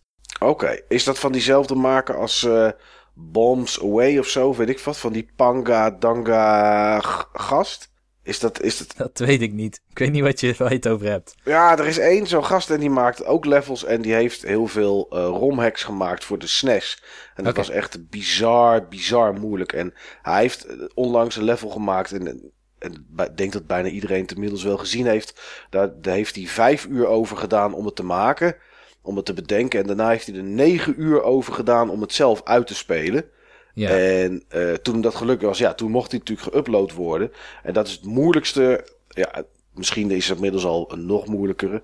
Maar dat is het moeilijkste level wat te vinden is. Ik geloof dat er inmiddels bijna meer dan 200.000 um, attempts, dus uh, pogingen zijn geweest om het uit te spelen. En dat het maar vijf mensen gelukt is, geloof ik, of zo. Dat kan wel eens dit level zijn waar ik het over had. Ja. Maar um, het spel heeft sowieso iets van 70 ingebouwde levels.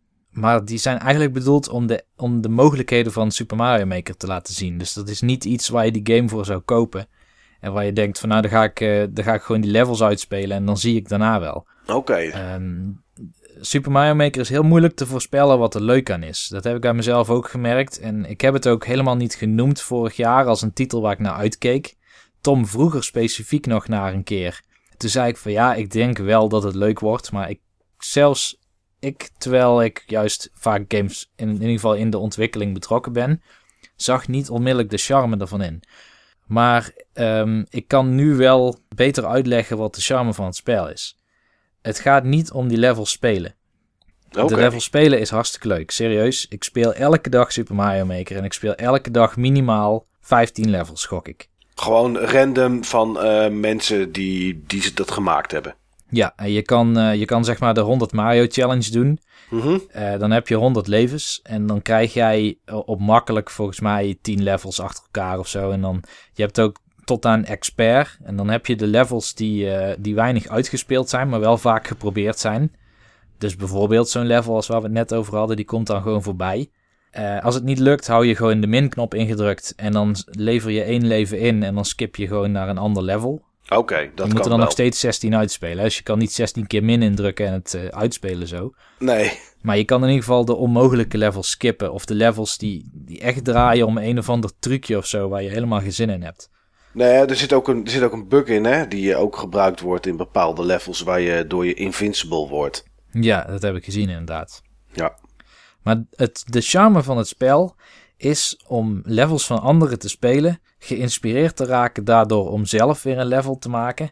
En dat level dan te uploaden en te kijken hoe andere mensen daar weer op reageren. Um, je kan in het begin maar 10 levels uploaden. En je moet sterren verzamelen. En sterren die kun jij, uh, dat is zeg maar een soort van currency waarin je waardering kan uitspreken voor iemands design. Die moet je dus verdienen.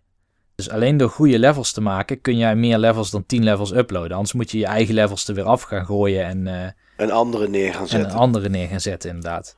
Maar ja, met 2,2 miljoen levels die er gemaakt zijn, Niels, hoe groot is de kans dat jouw level... Ja goed, er zijn inmiddels een miljoen exemplaren verkocht. Dus de kans is redelijk dat jouw level een keer voorbij komt. Ja. Maar ja, dat, die wordt natuurlijk steeds kleiner. Dus dan wordt het verzamelen van sterren wel lastig. Nou ja, ik zie toch wel dat mijn levels meestal wel... Uh, ja, mijn levels worden niet eens zoveel gespeeld hoor. Je hebt wel andere forumleden zoals uh, Rookworst en uh, um, vooral... Red oh ja, Floxy? Vooral Red Floxy. Die, die maken wel vrij bijzondere levels als ze veel tijd insteken. En uh, als iemand daar een positieve waardering op geeft en die wordt dan uitgespeeld of juist niet of zo, dan wordt hij al snel in zo'n 100 uh, Mario Challenge gestopt. Ja, oké, okay, dan komt hij wat eerder naar voren. Ja, maar mijn levels worden meestal zo'n 30 tot 40 keer gespeeld. En dan spelen vijf mensen hem uit en dan vinden twee mensen hem echt leuk. Oké. Okay. Dus ik moet best wel veel levels maken op die manier. Ik wou het zeggen, want hoe lang ben jij met zo'n level bezig? Ik heb toevallig net voordat we deze podcast op gingen nemen een nieuw level geüpload. Uh, Autumn Leaves heet het. Uh, oh. Een heel thematisch level waar ik uh, bedacht heb om van die blaadjes uit Super Mario Bros. 3, waar jij een staartje van krijgt, ja. om die uit bomen te laten vallen, alsof het herfst is, zeg maar. Dus het is een soort thematisch uh, leveltje. Ehm, maar daar heb ik toch wel een uur of drie over gedaan, denk ik, om te maken. En uitspelen was geen probleem, want hij is vrij simpel. Ehm, maar ik heb ook wel een level gehad waar ik echt een hele middag over heb gedaan. Dat heet Frame Perfect Mario. En uh, die draait helemaal om het perfect uitvoeren van frame perfect trucjes. Oké. Dus dat is wel echt een moeilijke waar ik zelf daarna ook weer drie uur over heb gedaan om uit te kunnen spelen. Uh, potverdorie een hoop tijd in zitten dan. Uh... Maar in ieder geval mensen die dit luisteren en die Super Mario Maker hebben en uh, leuke levels willen uitproberen. Um, kijk even op het forum, want daar heb je dus bijvoorbeeld Rokenworst en Red Floxy. En die heeft een heel goed gevoel voor hoe je levels thematisch interessant kan maken. Dus niet alleen dat het, dat het qua gameplay heel leuk is en dat er slimme trucjes in zitten, maar ook om het een soort sfeer mee te geven of een jasje waardoor het eigenlijk meer Metroid wordt dan Mario. En het heeft dan ook echt die sensatie van Metroid, ook al is het nog eigenlijk een soort platformer. Uh, daar is hij gewoon heel erg goed in en daar krijgt hij volgens mij uit de community ook heel veel waardering voor. Hoe lang blijft het leuk, uh, leuk, Niels? Hoe lang blijft het leuk? Um, ik heb er nu ongeveer 25 uur in zitten. En ik heb nog steeds het idee dat ik er helemaal aan het begin zit. Van, uh, van het leren van wat je allemaal met Super Mario Maker kan. Uh, de levels blijven leuk om nieuwe levels uit te proberen. Niet alle levels zijn leuk. Je hebt heel veel van die automatische levels of muzieklevels. En uh, ja, dat, dat was in het begin wel leuk om te zien wat mensen zeg maar technisch uit zijn editor kunnen halen. Maar ik wil nu wel weer gewoon echt slimme, vernuftige levels zien. Ja. Maar hoe lang blijft het leuk? Um, ik gok dat de gemiddelde speler er minimaal 30 uur insteekt. Oké. Dus als ik hem over twee of drie maanden zou halen, dan heb ik, wordt er nog steeds wel content gemaakt waarschijnlijk. Oh nee, absoluut. Uh, ik denk dat hier nog zeker een jaar actief content voor gemaakt wordt. Ik denk langer. langer. Ja, waarschijnlijk veel, langer. Veel langer, zeker weten. En uh, de levels, 25 miljoen, gok ik. Het is okay. zomaar een getal, maar uh, dit is echt nog het begin. Het spel is twee weken uit. Wat me ook opviel, opviel was dat er best wel veel creatieve, uh, hele experimentele levels gemaakt worden. Die bijna een uh, indie-achtige vibe hebben. Met teksten die in muntjes, zeg maar, bepaalde dingen vertellen. Een bepaald verhaal vertellen. Bepaalde keuzes die je dan, dan maakt. Ja. ja, ik heb echt wel hele, hele aparte dingen gezien op, op YouTube. Ja, dat klopt. Je ziet mensen wat dat betreft heel creatief omgaan met uh, wat er eigenlijk mogelijk is binnen de tools die eigenlijk voor platformers bedoeld zijn. En um, ja, bijvoorbeeld Red Floxy heeft dan een Metroid level gemaakt. Dat speelt echt als een Metroid, waarin jij in een open level structuur rond moet gaan zoeken, gaan exploreren en dan krijg je een power-up, waardoor jij weer ergens anders weer door kon waar je eerder niet door kon bijvoorbeeld. Ja, en dat dan met de Metroid Sprite, want je kan uh, honderd verschillende pakjes aan Mario aantrekken. Ja. Het, uh, het is heel Wario, Wario zit er, nee, uh, Waluigi zit er ook bij, hè? Ja, klopt. Ja. ja, daar had ik ook een level van gezien. Dat was ook echt heel bizar. Echt heel bizar. Is het niks voor jou, uh, Steve? Ik had wel verwacht dat jij dit toch wel zou aanschaffen eigenlijk. Nou, het, het spreekt me wel steeds meer aan. Maar weet je wat het is? Ik... Um ik zie mezelf die levels niet maken, joh. Ik wil daar gewoon de tijd niet in steken. Nou ja, dat is ook wat ik heb. Ik wil eigenlijk niet maken, ik wil gewoon spelen. Als ik iets wilde maar maken, kocht ik, ik wel weet, Lego. Ik weet nu inmiddels, nu voor een deel ook dankzij, uh, ja, dankzij uh, Niels, dat je zeg maar echt wel veel kan spelen ook. Ja, ja, je kan heel veel spelen. Maar Rookworst zei ook dat hij dacht dat hij geen levels zou maken. En dat is een van de meest toegewijde mensen nu van het forum. Dus het zou kunnen zijn dat je het stiekem leuker vindt dan dat je had verwacht. Ja, dat, is bij kunnen. mij ook. Ook omdat het vrij simpel is natuurlijk, hè, met zo'n met zo'n grid. ik, ik weet niet echt of ik die creativiteit heb, joh. Maar uh, ja, hij zal er nog wel een keer komen, hoor. Daar uh, twijfel ik eigenlijk uh, niet over. Nee. Nee. Oké, okay, jongens. Nou ja, Super Mario Maker. Het, het, klinkt, het klinkt nog steeds voor mij ook interessant. Dus wie weet ga ik nog een keer overstag. Dat gaat zeker gebeuren. Oh, oké. Okay. Nou, als jij er zo zeker van bent, Niels, dan moet het Ja. goed komen. Mm, Ja. Wat heb Eh, jij nog gespeeld, Michael? Ja, eigenlijk niet zoveel. En dan heb ik, ja, dan laat ik mijn slot eigenlijk gewoon gaan deze keer in de podcast. Oh. Eh, ja, ik heb, ik heb eigenlijk heel weinig gespeeld. Ik heb het heel druk gehad met allerlei eh, andere dingen dan, eh, dan gamen. En een van die dingen is bijvoorbeeld het bezoeken van de retro-beurs van Bonami afgelopen zondag in Apeldoorn. En uh, dat deed ik eigenlijk, eigenlijk een beetje om, uh, om de reden van, ja, van ons hoofdonderwerp van deze podcast. Want we gaan uh, ja, kijken naar waar we ongeveer anderhalf jaar geleden alles een keer naar keken.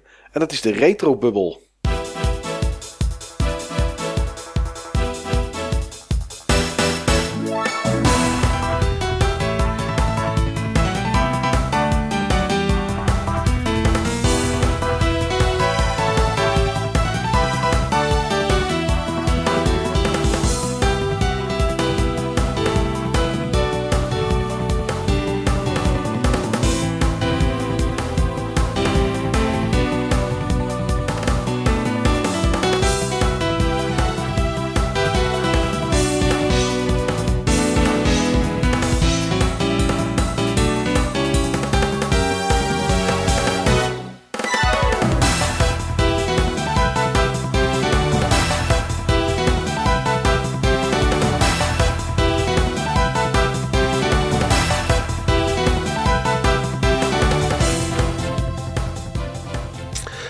Afgelopen zondag was ik dus uh, bij Bonami uh, in Apeldoorn, in, uh, in de bekende sporthal. Um, ja, jij was er niet, Steve. Jij ging het niet redden.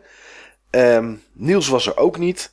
Maar ik, ja, ik deed dat dus eigenlijk een beetje om te kijken wat voor het onderwerp van vandaag, waar we, waar we over af hadden gesproken, om is nog eens een keertje naar te gaan kijken.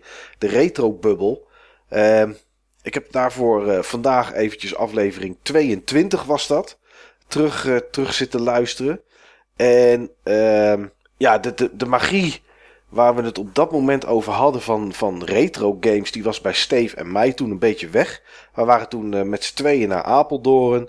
En we hadden eigenlijk zoiets van, ja, waarom, waarom zijn we eigenlijk hier? Wat, wat doen we hier in, uh, in, op deze beurs? Um, zoals ik net zei, ik ben naar Apeldoorn geweest. Jullie zijn laatst naar Deurne geweest. ik ben naar Deurne geweest. oh, Niels ja, zat, Niels zat niet, in het buitenland. Oh ja, maar Niels heeft weer heel veel dingen gezien over de staat van de markt in het buitenland. Ja, dat is waar. Ja. Klopt. Um, ja, ik, ik ging zelf niet met een doel naar Apeldoorn om iets te kopen. Ik heb wel iets meegenomen, maar het was eigenlijk niet mijn doel. Maar Steve, ik was eigenlijk benieuwd omdat je het zo'n anderhalf jaar geleden in Apeldoorn had. Dat je binnenkwam lopen en dat je dacht, ja, wat doe ik hier eigenlijk? Hoe was dat de afgelopen keer in Deurne? Had je wel weer meer zin om daar rond te lopen? Of... Uh, zeker, zeker. Het was ook een nieuwe locatie. Het was iets wat ik nog niet gezien had. Een nieuwe ding vind ik altijd leuk. Um, ik was ook wel heel benieuwd naar de, op, naar de vorige opzet van, van Deurne.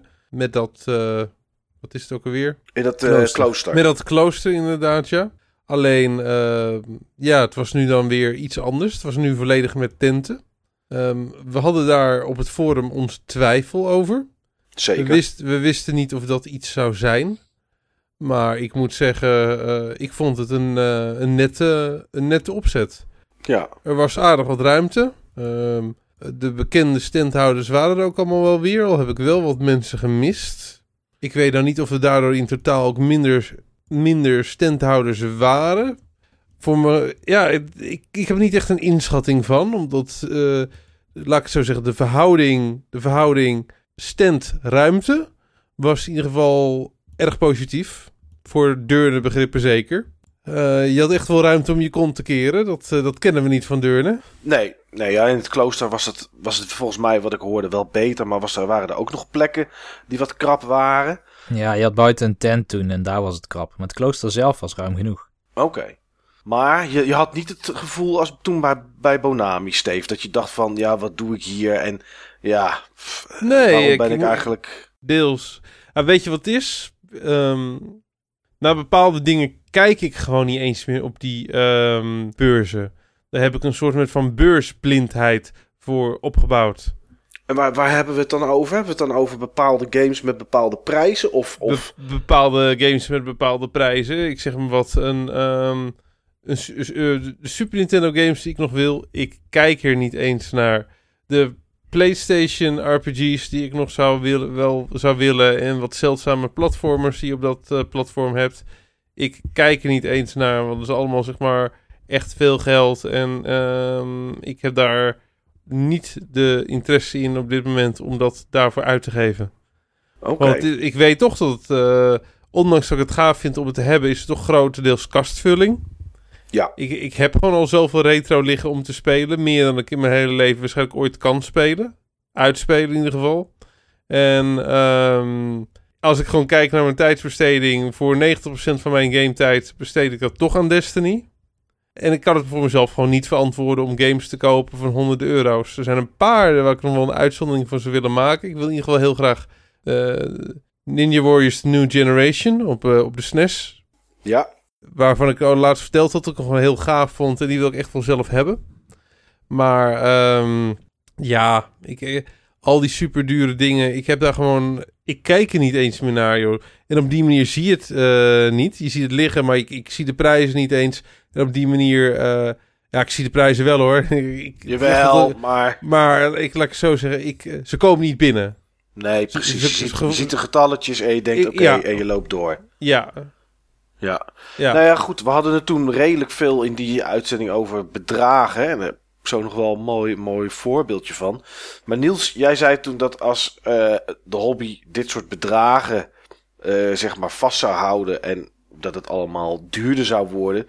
Ja, dat, dat jij de hobby eigenlijk niet meer vol zou houden. Omdat het gewoon niet interessant meer was om voor dat soort bedragen games te kopen. Is dat, is dat nog steeds een gevoel wat je hebt? Of ben je net zoals Steve nu een beetje blind geworden voor, voor bedragen, zeg maar?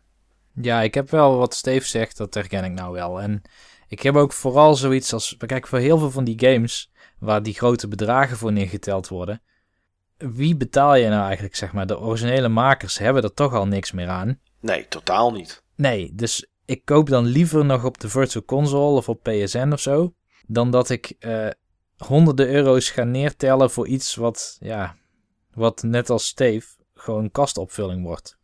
Ja, En als ik het downloadable heb, dan speel ik het in ieder geval zeker. Dus ik heb wel een soort van kantelpunt voor wanneer ik nog wel en wanneer ik niet een game ga, spelen, eh, ga kopen. ja Ik precies. heb er ook last van gehad nog eh, een paar weken geleden.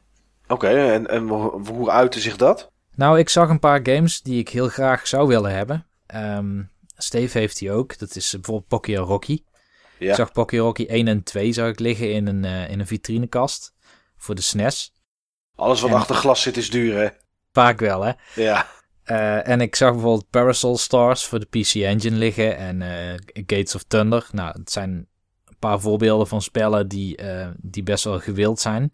Maar daar tel je dan ook gewoon. Ik bedoel, maar zo'n Parasol Stars is toch alweer 60 euro. ja, Pocky Rocky, voor een kaart was dat volgens mij, card only, 35 euro. Nou, dat is misschien niet duur als je het vergelijkt met de Europese prijzen hier. Maar 35 euro voor een Japans spel, ja. wat ik, waarvan ik niet zeker weet of dat die draait met mijn converter. En waarvan ehm, ik eigenlijk alleen maar eh, de, de prijsstijging op eh, in stand houd, vind ik eh, een vrij hoog bedrag. Dan, Ja. dan zeg ik, hij staat op de Virtual Console voor 6 euro, dan doe ik dat wel. Ja, nou ja, en wat je zegt, dan is er waarschijnlijk ook nog een ontwikkelaar of uitgever die daar ook nog iets aan verdient. Al zal het niet veel Ja. zijn voor een bedrag van 6 euro, maar het is nog iets. Het is nog iets. ja, Hij verdient iets en eh, die digitale dingen die kunnen altijd verveelvoudigd worden. Die cassettes die raken gewoon op. Die zijn straks in handen van, eh, van de mensen die hem, ja, ze vast willen houden in de hoop ja, om misschien ooit weer te verkopen. Misschien ook niet. Misschien zijn ze heel trots op. Maar eh, het worden nooit meer cassettes. Nee, nee, het zullen er alleen maar minder worden. Ja, Ja, ja, dat is zo. Maar maakt het dan ook, ook het bezoeken van een beurs of de hobby retro games verzamelen slash spelen minder leuk, Steve? Als je toch... Hè, op een gegeven moment heb je, je hebt, bij wijze van spreken, 100 titels in je hoofd die je wil hebben voor de SNES. Je hebt er 80 heb je er liggen, want die zijn allemaal een beetje betaalbaar. En, eh, of je hebt een keer een mooie, mooie Die deal kunnen waren, maken. die waren betaalbaar toen ik ze kocht. Dat zou ook nog kunnen natuurlijk. Nou, dat was zo. Nou ja, het zou, zou zomaar kunnen zijn dat je enorm fan bent van FIFA, Steve. En die zijn nog steeds wel goedkoop te koop. Die zijn nog steeds goedkoop te koop, ja. Maar er, zijn- er zijn er misschien twintig die je nog heel graag wil hebben. Alleen, ja, die bedragen, ja goed, hè, je kan het er misschien voor neerleggen, maar het gaat vaak om het willen. Eh, is, is, het dan nog wel, is het dan nog wel leuk op die manier? Eh, ja, ik, ik vind het nog wel leuk. Ik ga gewoon naar andere dingen op zoek. Ik zoek toch op beurzen altijd een beetje gericht ergens naar de goede deals. Ja, En die zijn er gewoon altijd. Oké, nog steeds zijn er gewoon goede deals te maken. Ja hoor, je vindt op, uh, op PlayStation vind je altijd wel weer wat leuke dingen. Ik had om een voorbeeld te geven, ik had bijvoorbeeld Croc 2 voor 5 euro. Nou ja, dat is een leuk, uh, op zich een leuke platformer. Ja, en ja. Uh, ik had echt een prachtige aankoop de vorige beurs. echt een prachtige. En dat ik was... had, ik denk dat je het niet gezien hebt Mike, een, een promotiebord van The Legend of Zelda A Link Between Worlds. Nee, die heb ik niet gezien inderdaad, klopt. Um, die heb ik ergens neergezet. Uh, gezet. Het is echt een super mooi ding. Um, ding is gewoon nieuw, ding is gewoon mint. Ja, die heb ik gewoon voor 50 euro kunnen kopen. Oké, okay. nou dat is een mooi, uh, een mooi bedrag voor een mooi groot bord waarschijnlijk. Ja, echt. Uh, en, en zo'n ding is echt gewoon uniek, joh. Er zijn niet veel mensen die dat hebben. En uh, ja, je weet gewoon, Zelda, dat wordt altijd gewoon een stuk meer waard. En ja, daar kun je alleen maar heel erg blij mee zijn als je zoiets voor zo'n mooie prijs kan kopen. Ja. Zonder verzendkosten. Maar het is niet de reden dat jij het koopt, hè? Eventjes voor de luisteraar. Jij koopt het niet om het later nog eens een keer voor, voor nee, of vijf keer absoluut niet, te verkopen. Absoluut nee. niet. Maar uh, je weet gewoon, later krijg je dat gewoon niet meer voor zo'n prijs. En Nee. ik ben gewoon echt zo, ik was echt super blij mee. Want ik heb, uh, ik heb het regelmatig gezegd in deze podcast. Dat is een van mijn favoriete games. Waarschijnlijk mijn favoriete game van de laatste tien jaar. Ja. Het is echt zo'n mooi spel. En uh, om gewoon zo'n uniek promo-ding daarvoor uh, te hebben, ja, is gewoon kick. Ja, Ja, En- is het ook. En uh, wat er ook gewoon leuk aan is, kijk, uh, zo'n Ninja Warriors, dat, daarvan weet ik dat ik hem wil, daarvan weet ik dat hij is, daarvan weet ik dat, uh, ja, dat het bestaat. Maar hiervan, ik wist niet eens dat het bestond, joh. Nee, en als je het dan voor een leuk bedrag kan meenemen, hè, een bedrag wat je, wat je voor jezelf het waard vindt, dan Ja. is het natuurlijk mooi om te doen. Ja, Ja, nou ja, over bedragen. Het, het is, toen ik zat te luisteren naar die aflevering, toen uh, hadden Steve, jij en ik uh, hadden een verhaal. En uh, dat ging over Sunset Striders. Sunset, Sunset Riders, Riders. ja. Ik maakte toen ook al diezelfde fout. Ging over, ging over Sunset Riders. Um, wij zagen die ergens liggen, Steve. Uh, CIB, redelijke, redelijke kwaliteit. Hij zag er behoorlijk goed uit. En die was toen 120 euro bij iemand. Uh, die werd opgekocht door een handelaar die hem vier... Ja, hij was, hij was goedkoper hoor, dan 120 euro. Oh, uh, in Dacht- de aflevering. Nee, hij was 120. Ik heb de af, in de aflevering hadden we het over 120. Hij was 120 en jij uh, wilde die best wel graag hebben. Uh, je had zoiets van, nou, voor 80 zou ik hem mee willen nemen. Oh ja, dat was Ehm, het, dat was het. En uh, als hij er einde van de dag nog lag, dan had dat gekund. Het werd hij net, uh, nou ja, niet net eind van de dag, maar net toen je daar bij die stand was, werd hij voor je neus weggekaapt. En dan werd hij vier tafels verderop, werd hij, werd hij neergelegd. We weten niet wat het bedrag toen was. Maar ja, goed, een, slordige 160, 170 euro zal die, uh, zal die daar wel gekost hebben. Um, Toevallig, en ik weet niet of dat bij dezelfde handelaar was als die hem toen kocht. Maar toevallig zag ik dit weekend op de Bonami-beurs ook een Sunset Riders liggen. Uh, ook behoorlijk goede kwaliteit, in doosje compleet. En wat denk je dat die, uh, dat die daar kosten nu, Steve? Ik denk dat hij al uh, vet over de 200 is, als het niet meer is. Ja, hij was 230 euro. Ja, dan heb je het over een jaar, hè? Heb je het over iets meer dan een jaar? Over i- uh, iets meer dan een jaar geleden, ongeveer anderhalf jaar geleden, kon je hem op een, op, op een beurs. En we hebben het toen ook over gehad, daar gaan we het zo nog wel even over hebben. Een beurs wil namelijk niet zeggen goedkoop.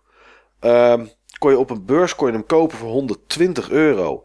En hij lag daar gewoon in de middag rond een uurtje of één. Lag hij daar nog. Dus het was niet zo dat iemand hem te goedkoop neer had gelegd. En dat er allerlei andere handelaren opsprongen. Zo van, uh, nou, daar gaan we zeker, hè, daar kunnen we zo 100 euro bovenop leggen. Ik bedoel, hij lag daar een, een geruime tijd.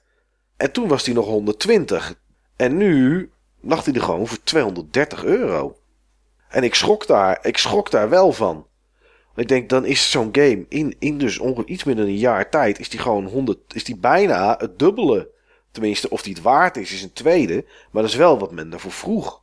Dat, uh, dat klopt, het gaat echt zo hard. En nou, nou is, ben ik niet heel erg, um, ben ik niet heel erg thuis in, de, in de snacksprijzen. Maar ik zag een Earthbound liggen, zo'n big box, uh, compleet. Zag er echt heel goed uit hoor, qua, qua, qua doos en dat soort dingen. Ik weet niet wat, wat dat een jaar geleden zou doen. Uh, er staan wel prijzen in mijn hoofd, maar ik ga ze niet noemen omdat ik niet zeker weet of dat het is. Maar die lag daar nu voor 700 euro. Ik, Ja, dat is te veel, denk ik. Want volgens mij is Earthbound niet eens echt een heel zeldzaam spel geweest in Amerika. En hij is alleen daaruit gekomen. Ja, 700 euro. En diezelfde stand had er nog één staan. En die stond er dus direct naast. Voor 650. Maar er zaten de scratch cards niet bij of iets dergelijks. Ik heb het niet, ik heb het niet nagevraagd. Ja. Ik heb het niet nagevraagd. Ik, eh, ik zag het staan en, en ik, ja, ik verbaasde me gewoon over dat bedrag. En ik heb het bij veel meer games gezien. Ik hou een beetje PlayStation 1 natuurlijk in de gaten, omdat ik dat, omdat ik dat verzamel. De ene moment iets actiever dan dat andere moment. Maar de, de- elke game die ik gezien heb en die in mijn handen heb gehad, eh, wat jij net zei, Steve, RPG's voor de PS1. eh, en wa- wat bijzondere platformtitels en dat soort dingen. Ja, ik zag, ik zag gewoon games als, als, een, als een. Volgens mij was het eh Klonoa voor de PS1. Zag ik voor iets voor 55 of 60 euro liggen. Ja, dat was, Ja. Dat, dat was een jaar, anderhalf jaar geleden was het ding rond de 25, 30. Ja, waar gaat dat heen met die prijzen, jongens? Waar gaat dat heen inderdaad, ja. Daar moet toch ergens gewoon ook een limiet op zitten, joh. Nou ja, wij hadden toen al een beetje het gevoel van... Hè, handelaar kopen het van elkaar, leggen er iets bovenop... en houden op die manier de prijzen in stand... of ze worden alleen maar hoger. Maar als ik dan nu een jaar later kijk... ja, dan, dan, dan lijkt dat ook, ook enorm aan de hand te zijn. Ja, maar ergens moet je toch op een gegeven moment ook echt, echt eraan verdienen, lijkt me. In plaats van dat je zeg maar... Ja. Maar Ja, ja. ik denk ook wel dat Er- ergens, gebeurt. ergens moet het toch ook gewoon naar de consument toe. Dat gebeurt denk ik ook wel, maar in hele kleine mate. Maar daar wordt wel op gegokt dat dat gaat gebeuren op lange termijn. Ja. Ja, zouden dit, zouden dit soort titels... zou dat zeg maar... eh, een soort gok zijn die mensen nemen, handelaren nemen... en die dat naast de games leggen die ze waarschijnlijk wel verkopen... in de hoop dat, er, dat ze binnen één of twee jaar die titel wel een keer verkopen. Zou die kant opgaan met dat soort extreem dure titels? Ik denk het wel. Ja, ja ik vond het. En, en niet alleen die hoor, want ik heb meer titels gezien die ik, die ik een jaar geleden of zo in mijn handen had. En die toen 17,5 of 20 euro waren, die nu gewoon voor 32 of 35 euro lagen. Ik heb echt helemaal niets gezien wat gewoon goedkoper was. En niet alleen games, ook, ook consoles, eh, PlayStation 1 eh, zonder doos. Ehm, eh, niet eens mooi en niet eens schoon of wat dan ook. Waarvan ik denk, nou had er in ieder geval even een doekje overheen gehaald. Voor iets van 25 of 30 euro. En dan, Daar dan- mag dat toch wel voor, zou je zeggen. dat ja, lijkt mij toch ook. En dan, dan staan ze er ook in doos. En dan is de, ziet de doos er behoorlijk goed uit. En er wordt er 100 euro voor gevraagd. Ik snap dat echt niet. Ik, ik ben bang als het zo doorgaat. Dat, dat er straks helemaal niemand meer iets op zo'n beurs gaat kopen, zeg maar. Van dat soort bedragen. Maar ja, goed. Of dat het is, weet ik niet. Maar iets, iets wat anders wat daar aan hangt. En wat ik, wat ik dan, nou ja, ja, klinkt een beetje zwaar om te zeggen. Wat ik een beetje zorgwekkend vind of waar ik een beetje angstig voor ben. Is, ehm, ik weet niet hoe het in Deurne was. Maar eh, hier in Apeldoorn liepen best wel veel jongeren liepen daar rond. En dan heb ik het niet over 15, 16 jaar. Dan heb ik het ook nog wel over, over jonger. Ik heb bijvoorbeeld een, eh, een, een ventje gezien. eh, ik weet niet of zijn vader naar de podcast luistert. Maar ik vond het een heel irritant ventje. eh, dat zich overal tussen aan het wurmelen was. En, en, en, en het mensen aan het wegduwen was. Omdat hij PlayStation 2 titels aan het uitzoeken was. Misschien had hij PlayStation 2 van zijn vader gekregen. Of nou ja, goed, hè, geeft hij dat door. En dan eh, krijgt een nieuwe generatie vanzelf dat soort consoles onder ogen. Maar als dat soort jonge lui, zeg maar, die niet weten wat twee, drie jaar geleden die prijzen waren, dit soort dingen zien. Ja, dan gaan die dat als normaal beschouwen. Maar dan, dan komen we over een paar jaar helemaal op extreme prijzen uit. Dat kan toch niet goed gaan, Niels? Ja, ik weet het niet. Ehm, dingen lopen in ieder geval anders dan dat we vorige keer dachten. Of misschien juist wel helemaal niet trouwens. Misschien lopen ze wel nog steiler dan dat we vorige keer dachten. Het is ook nog maar een jaar, hè? Het is ook ongeveer een jaar dat we die uitzending hebben opgenomen. Anderhalf, denk ik. Ja, Dat is zoiets. waar. Ja, ja, ja, het was ergens het voorjaar van 2014 was het. Ja. Ja, ik kan me toen herinneren dat ik zei dat ik dacht dat het zou gaan opschuiven naar andere systemen. Ja, Maar gebeurt ook. Dat gebeurt zeker. Pl- ja. PlayStation 1. ja, daar schuift het nu naartoe. En eh, nee, je ziet toch best wel wat mensen. Mooi die bijvoorbeeld- een mooi voorbeeld. Ehm Tombi 1 en 2. Kon je vroeger kopen rond de 40 euro. Nou, nu eh, mag je aankomen kloppen met 100 tot 120 euro. Ja, iets, iets dan een jaar geleden was Tombi 1 zo rond de 70, 80 euro. En nu zie je hem inderdaad gemiddeld voor zo'n 120 staan. En uh, ja, dat gaat denk ik ook gebeuren met RPG's op de PlayStation 2 langzaam. Wat heel, Waarschijnlijk wel, ja. Wat heel veel, heel veel verschuift daar naartoe, denk ik. Omdat, um, en je had er een topic over aangemaakt, Steve, op het forum. En uh, zoals Niels altijd dacht dat hij heette C4, maar eigenlijk gewoon Cake is. Die, uh, die goede oude C4. Die goede oude C4, wie kent hem nog? Ja. Die, die, die had zoiets van het gevoel dat een bepaalde leeftijdsgroep een generatie in stand houdt. Die had zoiets van, nou, hè, uh, mensen die in de jaren 80, 90 zijn opgegroeid, die doen zeg maar NES en SNES en die blijven daar ook bij. En mensen die daarna zijn opgegroeid, dus zeg maar jaren 2000, dat die, als die straks wat ouder zijn, dat die dan PlayStation 2 en... en ja, dat denk ik ook. Maar dat, dat, heb ik in het verleden ook een paar keer uh, gezegd. Al denk ik wel dat met name Nintendo heel veel aantrekkingskracht heeft um, in retrospect. Meer aantrekkingskracht dan Atari 2600. Ja, nou, dat was ook, uh, dat werd ook in dat topic van jou gezegd, uh, Steve. Dat omdat Nintendo er nu nog is. Ja. Dat mensen zijn die denken van ja, dan gaan we eens kijken wat ze vroeger hebben gemaakt, zeg maar. Of wat is dan de eerste Mario game of Super Mario die eruit is gekomen en die willen dat dan spelen. Ja. En die games zijn ook nog goed beschikbaar. Hè? Die games zijn gewoon te downloaden van een virtual console.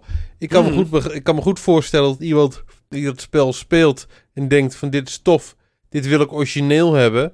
Uh, ja, die dat toch wel uh, op die manier uh, dan toch zoekt. Ja. En ja, laten we eerlijk zijn. Um, de LP, als je zeg maar um, ehm, 15 jaar tegen iemand gezegd had... 15 jaar geleden tegen iemand gezegd had... joh, ik, ik verzamel LP's...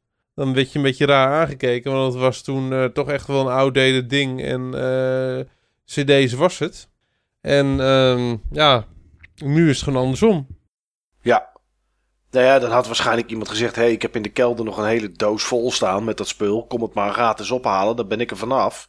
Uh, dat werd ook in top gezegd. Ik weet even niet meer door wie. Maar die zei van ja, laten we ook niet vergeten dat het verzamelen van retro games ook relatief nieuw is. Ik bedoel, in de jaren tachtig waren er, zij, zij, ik ga even opzoeken wie dat zei. Maar uh, volgens mij was het, uh, Bami Lolly. Die zei van, nou ja, Bami Lolly zei van, ja, niemand verzamelde NES games in de jaren tachtig. Um, dat is niet helemaal waar, maar het merendeel van de mensen verzamelde ze inderdaad niet. Dat was gewoon een, uh, een gebruiksartikel. Ja, Kijk, nu weten mensen. Die doosjes werden ook weggegooid bij veel mensen en zo. Dus, uh... Ja, die hielden alleen dat stofkapje, dat, zwarte stofkapje hielden ze over. Eventueel met de handleiding erin. Maar het doosje en het stukje piepschuim, ja, dat, dat gooiden ze gewoon weg. Dat nam alleen maar ruimte in. Uh, bij, de, bij de Game Boy was het natuurlijk net zo. Daar geef ik de schuld nog wel een beetje aan Nintendo. Omdat die van die reismapjes maakte waar die games allemaal mooi in konden. Dus ja, dan konden de doosjes wel weg. Want ze zaten toch in zo'n mapje. Maar... Ja, eh, Nintendo zat, een, zat aan een reet geroest hebben, joh, wat er met hun doosjes gebeurde. Ja, maar ik denk wel dat er wel iets van waarheid in zit. Dat toen inderdaad kochten mensen die games en die speelden ze. Maar echt verzamelen zoals dat nu gebeurt, ja, dat, ja, dat was er toen nog niet. Dat was niet op die manier, was dat, uh, hoe, dat hoe dat bij mensen leefde. Ja.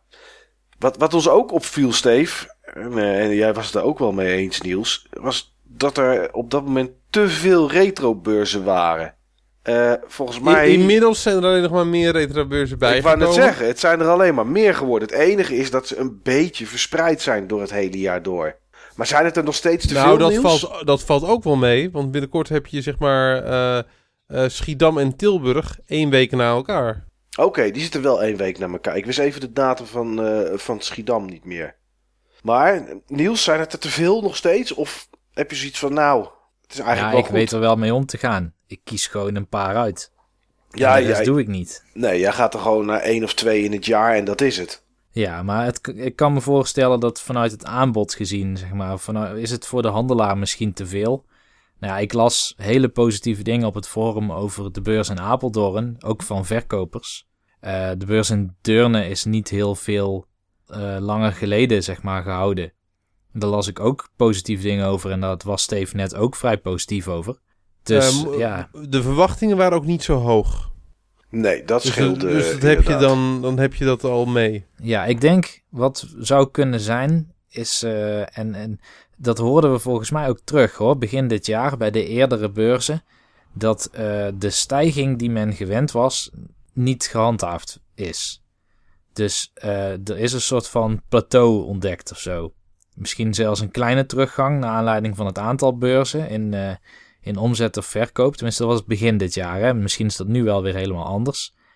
Dus het kan goed zijn dat, dat voor de verkopers het fijn is dat er meer beurzen zijn. Want dan verkopen ze hun waren over verschillende beurzen heen door het jaar heen.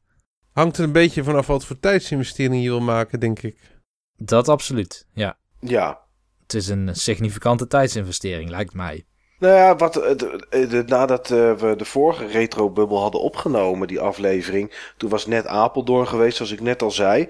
En toen waren de berichten van veel eh, verkopers die daar stonden, dat ze eigenlijk, eh, dat, ja, dat de verkopen eigenlijk een beetje tegenvielen. Dat ze eigenlijk niet zo heel veel hadden verkocht en ja, dat de omzet en, en of, ja, die viel gewoon tegen op Ja. dat moment.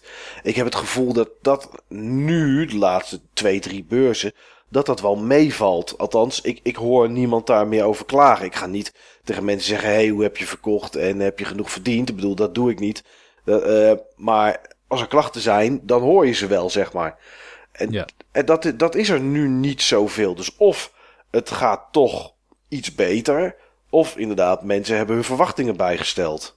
Ik weet niet of, of jij van Deurne iets gehoord had, Steve. Ja, verschilde erg eh, pp. Oké, toch wel. Ja, verschilde erg pp.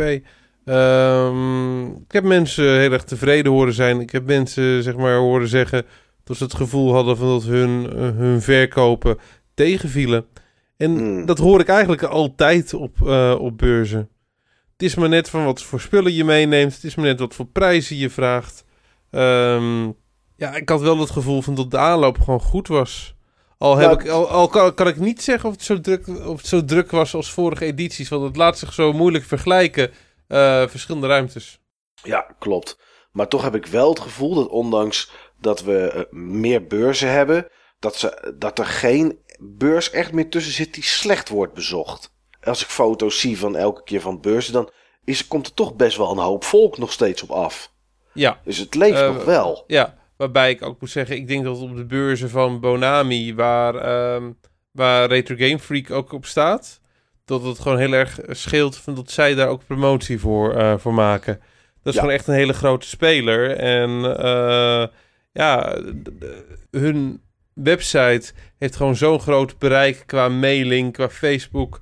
Eh, die kunnen echt gewoon mensen naar zo'n beurs toetrekken. Ja, nou het is wel grappig dat je dat zegt. Wat, iets wat in die uitzending terugkwam, was dat Bonami eh, vrij matig, om het dan maar even zo te zeggen, promotie doet voor hun beurzen. Eh, je hebt het er nu weer over dat als Retro Game Freak er staat, dat die hè, behoorlijk wat mensen daar naartoe trekken. Zijn we het dan over eens dat anderhalf jaar verder een hoop veranderd is, beh- behalve de promotie van Bonami voor hun eigen beurzen?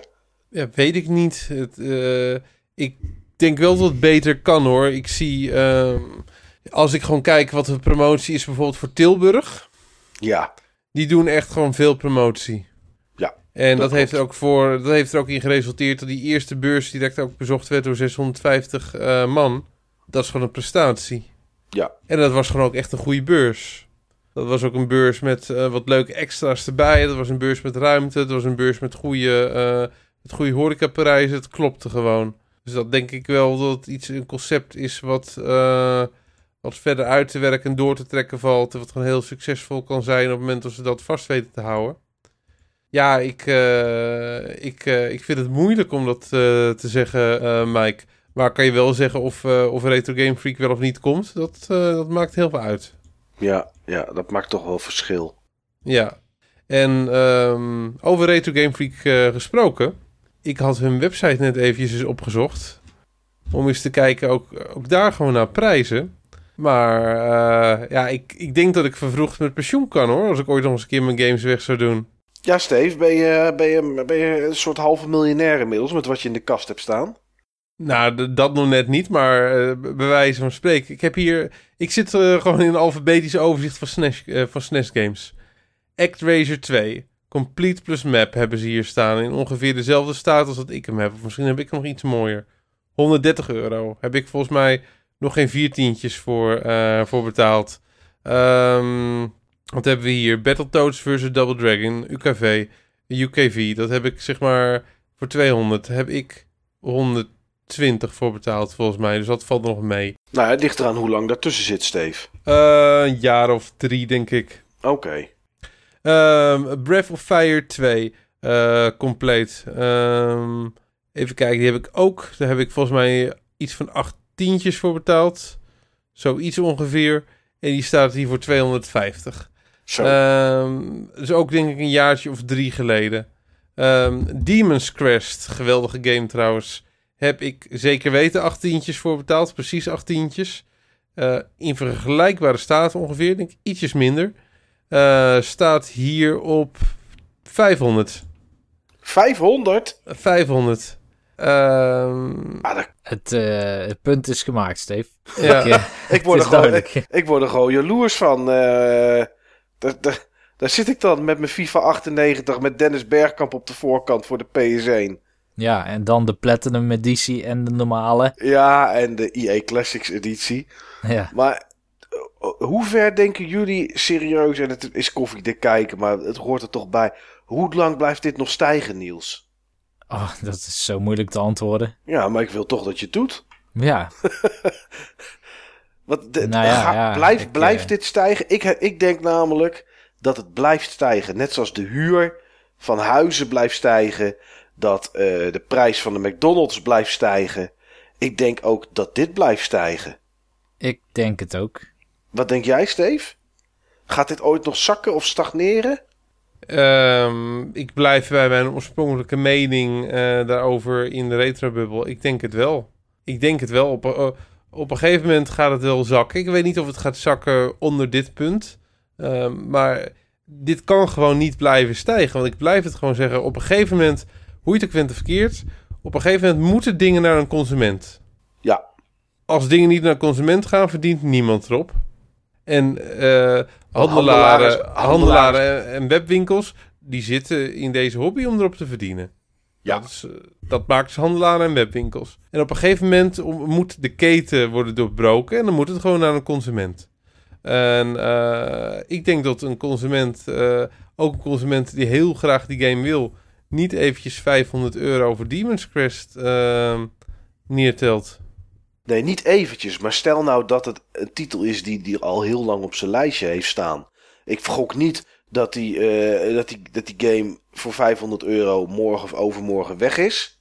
Maar stel dat het iemand hem wil hebben en lastig op eBay aan kan komen, beurzen niet, niet tegenkomt en uh, inmiddels 6 miljoen rommelmarkten heeft afgelopen en weet dat hij hem daar toch nooit ziet liggen als hij daar natuurlijk een beetje voor gaat sparen, die verzamelaar. En al doet hij daar een half jaar over.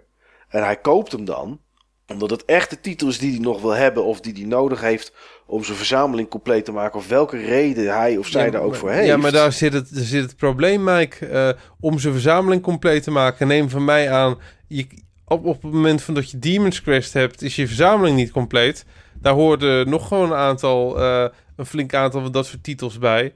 En je hebt het dan niet over 500 euro, dan heb je het over duizenden en duizenden euro's. Ja, maar goed, als iemand hem echt graag wil hebben, Steve, dan, gaat, dan gaat hij er waarschijnlijk gewoon voor sparen. En dan koopt hij hem toch een keer voor dat bedrag. Ja, waarschijnlijk. En dat is, en dat is daar wordt, daar wordt, toch op, daar wordt toch op gespeculeerd. Ja, en dat is natuurlijk een beetje de pest. En dat, niet alleen Retro Game Freak, dat doen natuurlijk alle handelaren. Die denken dan van, oké, het, het heeft me een half jaar gekost. Maar hij is toch weg voor dat bedrag. Dus hij is dat waard. En dan blijft, blijft dat bedrag van 500 euro. Dat wordt de volgende keer ook weer gehandhaafd. Of er komen nog twee tientjes bovenop. Uh, ik durf wel te zeggen dat daar geen twee tientjes bovenop komen. Eerder 100 euro misschien. Ja, goed. Hè? Maar er, er, komt iets bij. Want ja, het verkoopt voor dat bedrag. Nou ja, op zich hebben consumenten en andere handelaren wel weer een oplossing gevonden. Gewoon games weer ergens anders vandaan halen. Uit andere landen. ik heb wel eens tips gehoord van ja, die titel moet je uit Spanje halen. Want daar scheelt het vier tientjes. Ja, nou ja, we hebben toevallig in die, in die, in die uitzending 22 hadden we het erover dat uh, ik toen meemaakte bij Bonami. En dat het ook in Deurne gebeurde. Dat er een paar Fransen hier naartoe kwamen. En dat die gewoon, Steve zei, was er eentje in Deurne. En die laden bijna een heel busje vol met retro games. Ja. Het, ging, het ging nergens over. Nee, maar die, als die Fransen hier naartoe komen en die kopen Demon's Quest voor, Demon's Quest voor, uh, voor 500. En die kopen uh, Sunset Riders voor, uh, voor 230 en Earthbound voor 700. Ja, dan is de verzamelaar hier in Nederland is gewoon de pineut natuurlijk. Want die games gaan nooit meer onder dat bedrag komen. Dus nee. het is wel mooi dat je ze uit andere landen misschien kan halen voor dat bedrag. Maar het kan ook voor hier natuurlijk een, een, ja, een beetje een dolk zijn. Ja, absoluut. En uh, waar dat nou ook extreem gebleken is. Ik zat al een haakje te zoeken om dat te vertellen. Uh, ik was natuurlijk vorig jaar in november in Japan. Toen hebben we ook nog een uh, podcast opgenomen over het importeren van games en consoles. Ja. En toen gaf ik nog aan dat er daar nog best wel veel te, te vinden is. Dat het wel een stuk duurder was dan vijf jaar daarvoor. Maar um, ja, er was nog steeds aanbod en het is nog steeds goedkoper. Alleen zelfs dat is nu niet meer. Ik ben daar twee weken geleden, nee, twee weken geleden, drie weken denk ik geleden inmiddels geweest. Nog. Dezelfde winkels, hè? Hmm? Uh, in Tokyo. PC Engine schap is bijna helemaal leeg. Er staan allemaal Banyon clones op en visual novels waar je niks meer aan hebt. maar uh, bijvoorbeeld die, die, die Winds of Thunder, die heb ik niet in Tokyo gezien. Dit ben ik voor naar een andere stad gegaan. Ehm, ik heb in totaal in vijf retro speciaalzaken, waar ik vorig jaar bijvoorbeeld in een retro speciaalzaak nog een hele stapel Famicom computers zag liggen. Ja. Heb ik nu in vijf winkels er één achter glas zien staan voor 140 euro in doos. Oké. Omgerekend, hè? Ja. En dat waren nog dingen die ik vorig jaar, die kon je voor 25 euro uh, of minder misschien zelfs wel gewoon meenemen. Blijkbaar dus, is er ook iemand geweest die dat gedaan heeft in die dat periode. Dat heeft iemand uh, heel erg gedaan. Maar ja, je ziet ook bijna alleen maar buitenlanders in die winkels. Maar je ziet dat het ook daar nou op begint te raken. En het is niet werkelijk op, want ik bedoel, er zijn ook andere winkels. Het zijn meer die bekende winkels die, uh, die op aan het raken zijn. Ja. Um, maar die prijzen die gaan ook nergens meer over. Ik heb geen enkele PC Engine Duo R of RX zien staan. Die Allemaal. ik vorig jaar nog eentje zelf heb gekocht. Alles is opgekocht. Ja. En Famicom dus ook. Famicom is ook, uh, maar dat zie je ook bij ons op het forum. Hè? Steeds meer mensen zijn Famicom gaan importeren en dat gaan sparen. Um, om twee redenen. Er zijn natuurlijk heel veel games niet uitgekomen hier. Nee. Maar ook om de reden dat die games in ieder geval nog betaalbaar zijn. Daar kun je nog, kon je nog wel voor 2 euro een goede game kopen. Dat is nou ook bijna niet meer te doen. Nee, ja, ook dat, daar gaat het natuurlijk gewoon omhoog. Als, de, als die winkels leeggetrokken worden voor dat soort bedragen. En dat is natuurlijk op beurzen en webwinkels hier net zo. Ja, dan kan je het ook net zo goed wat goedkoper maken. Want dan kan je er nog wat extra aan verdienen. Ja. Ja, lastig.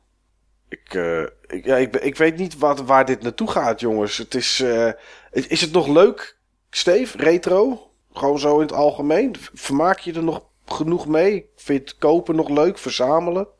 Ja, maar wel op mijn manier. En mijn manier is wel anders dan mijn manier van drie jaar geleden. Oké, okay, wat is daar wat grofweg aan veranderd? Drie jaar geleden zocht ik gewoon heel erg gericht naar dingen. Enorm uh, gericht. En nu zoek ik gewoon op, op beurzen en dergelijke, kijk gewoon wat, wat goedkoop is en wat me leuk lijkt en uh, wat me aanspreekt. En wat een beetje bij de rest past. En dat neem ik dan gewoon mee. Oké. Okay. Dus drie jaar dat... geleden ging je echt voor specifieke games kijken. En nu ja. kijk je gewoon naar wat je aan... Een beetje zoals Niels eigenlijk altijd naar een beurs gaat. Ja, eigenlijk wel, ja. Want jij doet dat nog steeds toch, Niels? Als je naar een beurs gaat, niet van tevoren denken: ik wil uh, uh, Mario 64 en ik wil uh, die game voor de PlayStation 1. Je gaat er gewoon heen en als je iets ziet en je denkt die prijs is leuk en het lijkt interessant, neem je het mee, toch? Ja, klopt, ja. ja. Ik zal nooit meer, um, nou ja, zeg nooit, nooit meer. Maar ik ga sowieso nooit voor een complete collectie, ook niet van een serie of zo. Dat interesseert mij gewoon niet meer ik, ik heb al eerder gezegd, zeg maar, dat, dat voelt voor mij heel neurotisch. Als je een soort van dwangneurose hebt, dat je alles van iets moet hebben of zo. Zeg maar. Dat is sowieso iets wat ik probeer actief te vermijden in plaats Waarom, van... waarom ga je daarbij lachen, Niels? Ja, ik weet niet. Ik ken iemand ja, en die heeft zo, zo'n dwangneurose. Oké, ja, die zijn er genoeg. Ja, ik ken er wel meer trouwens. Ja. Maar er is één iemand die moet er dan ook echt heel veel hebben. Want voor dat systeem zijn heel veel schijfjes uitgekomen. ja. Maar goed. Eh, maar ik vind het op deze manier niet minder leuk dan toen. Sterker nog, misschien vind ik het wel leuker. En dat is precies hetzelfde als wat Steven net noemde. Ja, het is ook een beetje een avontuur zo. Ja, en het is gewoon leuk om eh, mensen te ontmoeten. En je hebt, het, het is meer verrassend, hè? want je verrast jezelf ook tijdens zo'n avontuur. Nou, dat is ook zo. En ik had afgelopen weekend, dus toen ik naar Bonami ging, ik was van plan om niks te kopen. Ik ging er naartoe gewoon om te kijken. En een kameraad van mij die wilde, eh, wilde een keer naar zo'n beurs toe. Ik zei, nou ja, Apeldoorn is er een. Ik zeg, kom, dan gaan we er naartoe. En eh, ik zeg, ga je nog naar iets kijken? Ga je nog een bepaalde game zoeken? Of, of nou ja, goed, eh, heb je nog een beetje een doel? Nee, niet echt, zei hij. Zegt, jij dan? Hij zegt, wat ga jij kopen? Ik zeg, nou, ik zeg, ik ben eigenlijk gewoon van plan om helemaal niks te kopen. Hij zegt, ja, waarom ga je er dan naartoe? Ik zeg, nou ja, er zijn redelijk wat mensen die ik ken daar. En af en toe is het ook gewoon leuk om je gezicht even te laten zien. En even een praatje te maken. En ik liep daardoor ook behoorlijk ontspannen langs al die stands. Omdat ik niet het gevoel over heb gehad van... Oh, ik moet iets kopen en ik ben naar dat op zoek en naar dat op zoek. Tuurlijk, er zijn wel een paar games die ik graag zou willen hebben. En ik heb wel tussen Xbox gekeken en Gamecube. Omdat er wat titels tussen zitten die ik leuk zou vinden om die toe te voegen. Maar ja, als ik ze niet kon vinden of wat dan ook, was er voor de rest geen nood aan de man. En op een gegeven moment had die kameraad van mij ergens een, een bak gezien waar eh, het drie PlayStation 1 games waren voor 5 euro. Zeg ik van nou, er zal ongetwijfeld niks tussen zitten wat ik nog niet heb. Nou ja, bleek dat er vijf titeltjes tussen zaten die ik nog niet had. Er was een game die hij wilde hebben. Nou ja, goed, hè, hebben we die zes titels meegenomen voor 10 euro. En dat is eigenlijk het enige wat ik gekocht heb. En ik, ik had best een leuke beursdag omdat ik voor de rest gewoon wat praatjes heb staan maken met mensen. En gewoon een beetje langs die games ben gaan kijken. En dacht, oh ja, dit was een gave game. Of dit heb ik ooit gespeeld. En een beetje die verhalen erbij had. Dus ja, misschien dat het voor mij ook wel werkt. Om gewoon niet van tevoren te denken van, ik ga op jacht echt daar naartoe. Maar gewoon, ik ga er naartoe en ik neem ofwel uh, een tiet met geld mee of niet. En dan zie ik het wel wat er gebeurt.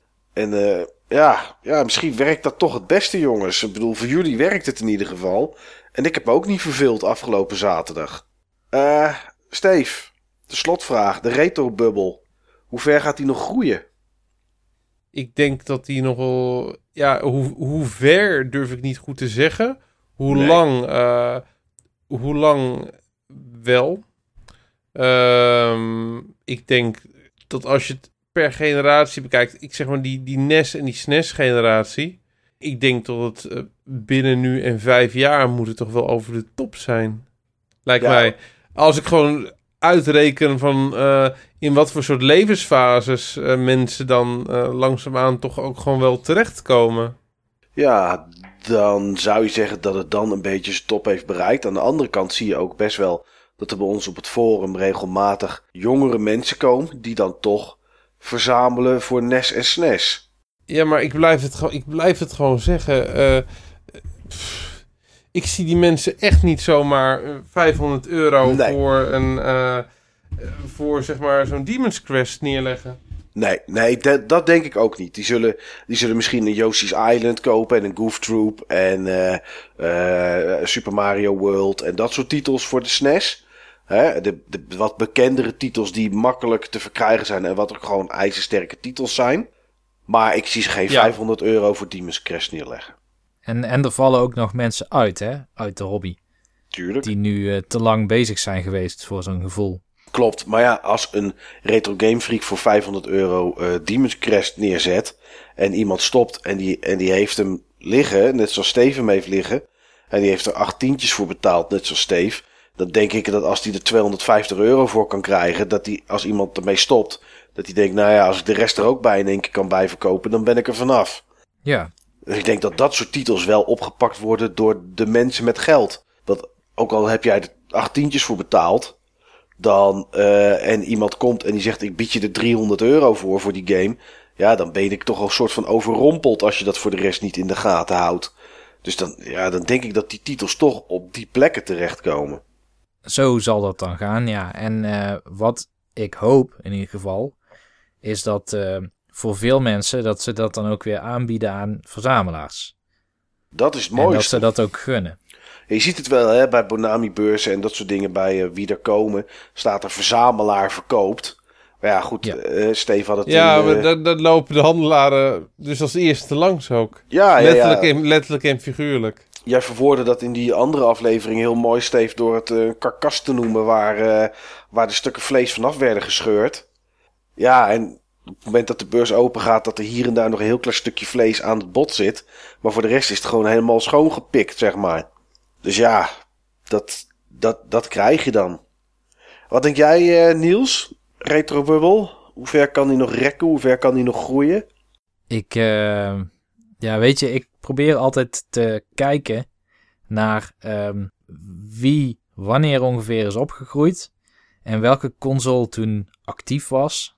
Um, of misschien net daarvoor actief was, omdat hij dan zeg maar van de broer heeft gekregen of zo. Of ja, precies.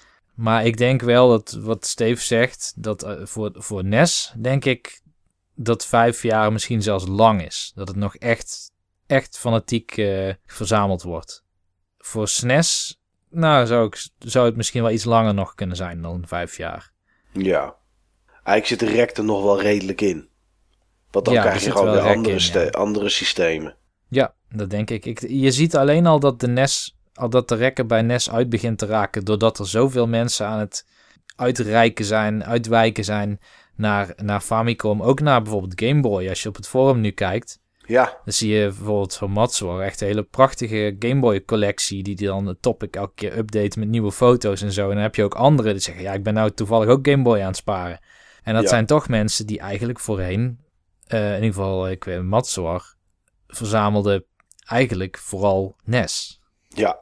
Ja, ik denk dat het wel verschuift. Je ziet mensen die SNES bijvoorbeeld doen, dat die dan in één keer Mega Drive gaan doen. En dat soort, ja. uh, dat soort dingen, dat het daarheen uh, verschuift. Het verschuift denk ik eerst naar andere systemen voordat het zeg maar echt de hobby uitstapt of ophoudt. Ja, ja ik, denk, ik denk zelf als ik kijk naar de prijzen die je nu zag op de beurzen, maar ook uh, die omhoog zijn gegaan, maar ook de hoeveelheden mensen die er nog steeds komen naar de beurzen. Ondanks dat we toen ook over crisis hadden.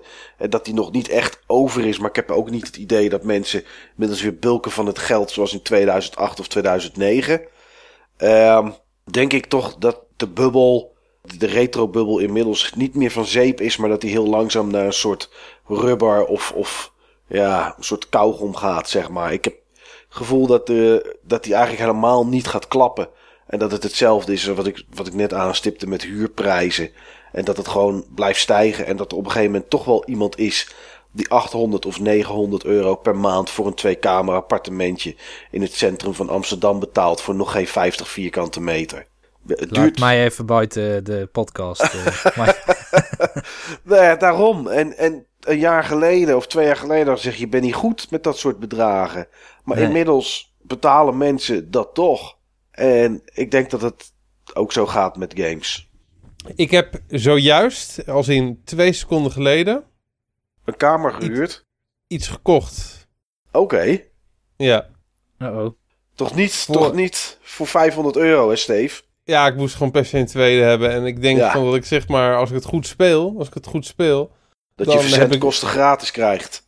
Ja, ja, nee, ik, ik, ik, verkoop hem gewoon over twee jaar weer. En dan kan ik zeg maar dan weer heel veel andere spellen ervoor kopen. Ja, nou, goede investering. Gratis. Nee, ja, nee, deze nee. podcast. Nee, nee, nee, dat is, Wat uh, dat heb je is gekocht? Niet, dat is niet hoe ik opereer. Um, ik zag op de, op de webshop van Retro Game Freak, zag ik toevallig toen ik aan het kijken was, ook Fatal Fury Special voor, uh, voor 80 euro. Voor de SNES. En toen dacht ik, dat is wel een prijs die ik, er, um, die ik ervoor wil betalen.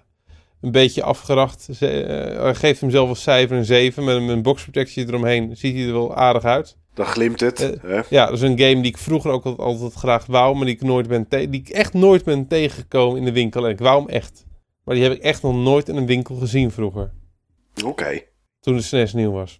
Maar ik heb ook even op, op eBay gekeken wat het ding nou uh, daar deed. En daar stond hij eigenlijk alleen nog maar duurder op, uh, de PAL-versie. Maar toen zag ik opeens een spiksplinter nieuwe Japanse eh, versie voor eh 15 euro, inclusief verzenden 20,50. En ik denk van, die is voor Steve. Oké, oh, dus je hebt netjes de Japanse gekocht. Ja, die speelt mijn eh, Super Nintendo net zo goed en net zo makkelijk af. Want die is eh geregio-mod en eh, ja, dat maakt allemaal toch niet uit bij een vechtspel. Nee. Dus ehm, ik had zoiets van, joh, dat vind ik nou echt een leuke aanvulling voor mijn collectie. En ik vind die Japanse boxart ook nog veel gaver bij deze game. En kijk, dat is nou een prijs, daar zou ik heel graag games voor willen kopen. Dat zijn leuke bedragen. Nou, ik denk een mooie, een mooie afsluiting, Steve, eh, van, deze, van deze uitzending. eh, waarbij eh, het dus Als toch je, nog goed, kan. als, je goed, als je goed zoekt, kun je altijd wel dingen vinden die je graag wilt. Of die je op dit moment graag wilt, voor een leuke prijs. Hoe zat Alleen moet, je, alleen, moet je, alleen moet je daarvoor eventjes, zeg maar, soms je bakens verzetten. Hoe zat als- het ook alweer, Steve? De drie G's, toch? De drie G's, geluk, Geld, geluk en geduld. geduld. Ja. Maar wat ik wou zeggen, als God ergens een deur sluit, opent hij elders een venster. Oh, oké. Ik dacht dat je wou zeggen, als God ergens een deur sluit, dan doet Lucifer de, de ergens weer een deur open. oh, nee, nee, nee. Dat was niet de quote uit The Sound of Music. Oh, jeetje, Sound of Music. Ja, Het gaat weer over eh, musicals natuurlijk. Ja, Dat is toch de rode draad eigenlijk van de Retro Bubble aflevering. ja. eigenlijk wel, ja. Eigenlijk wel, ja. Nou, lijkt mij een, eh, een hele mooie afsluiting voor, eh, voor deze aflevering. Mocht je een mening hebben, eh, zoals al gezegd, Steve heeft er een topic eh, over aangemaakt. Wat de staat nu is van, eh, van, van de retro scene in, eh, in, de, ogen van, eh, in de ogen van iedereen. Eh, kom, het forum op, genaamd button-bashers.nl op en geef, daar, en geef daar je mening. En mocht je dat niet op het forum willen doen, dan kan je ons altijd mailen naar podcastapenstaartje button-bashers.nl. Eh Steve, jij gaat, jij gaat iets heel spannends doen, hè? Jij gaat een daily quest doen voor die exotic, als het goed is. Ja, dat klopt. En ik ga nu ook rennen, jongens, want er wordt al op gewacht. Nou, ga jij dat doen? Ja. Dan, eh, Jongens, het was weer gezellig. Heel veel plezier. Tot de volgende ja, keer. Tot, de, volgende, keer. Hoi, hoi. Doei, doei.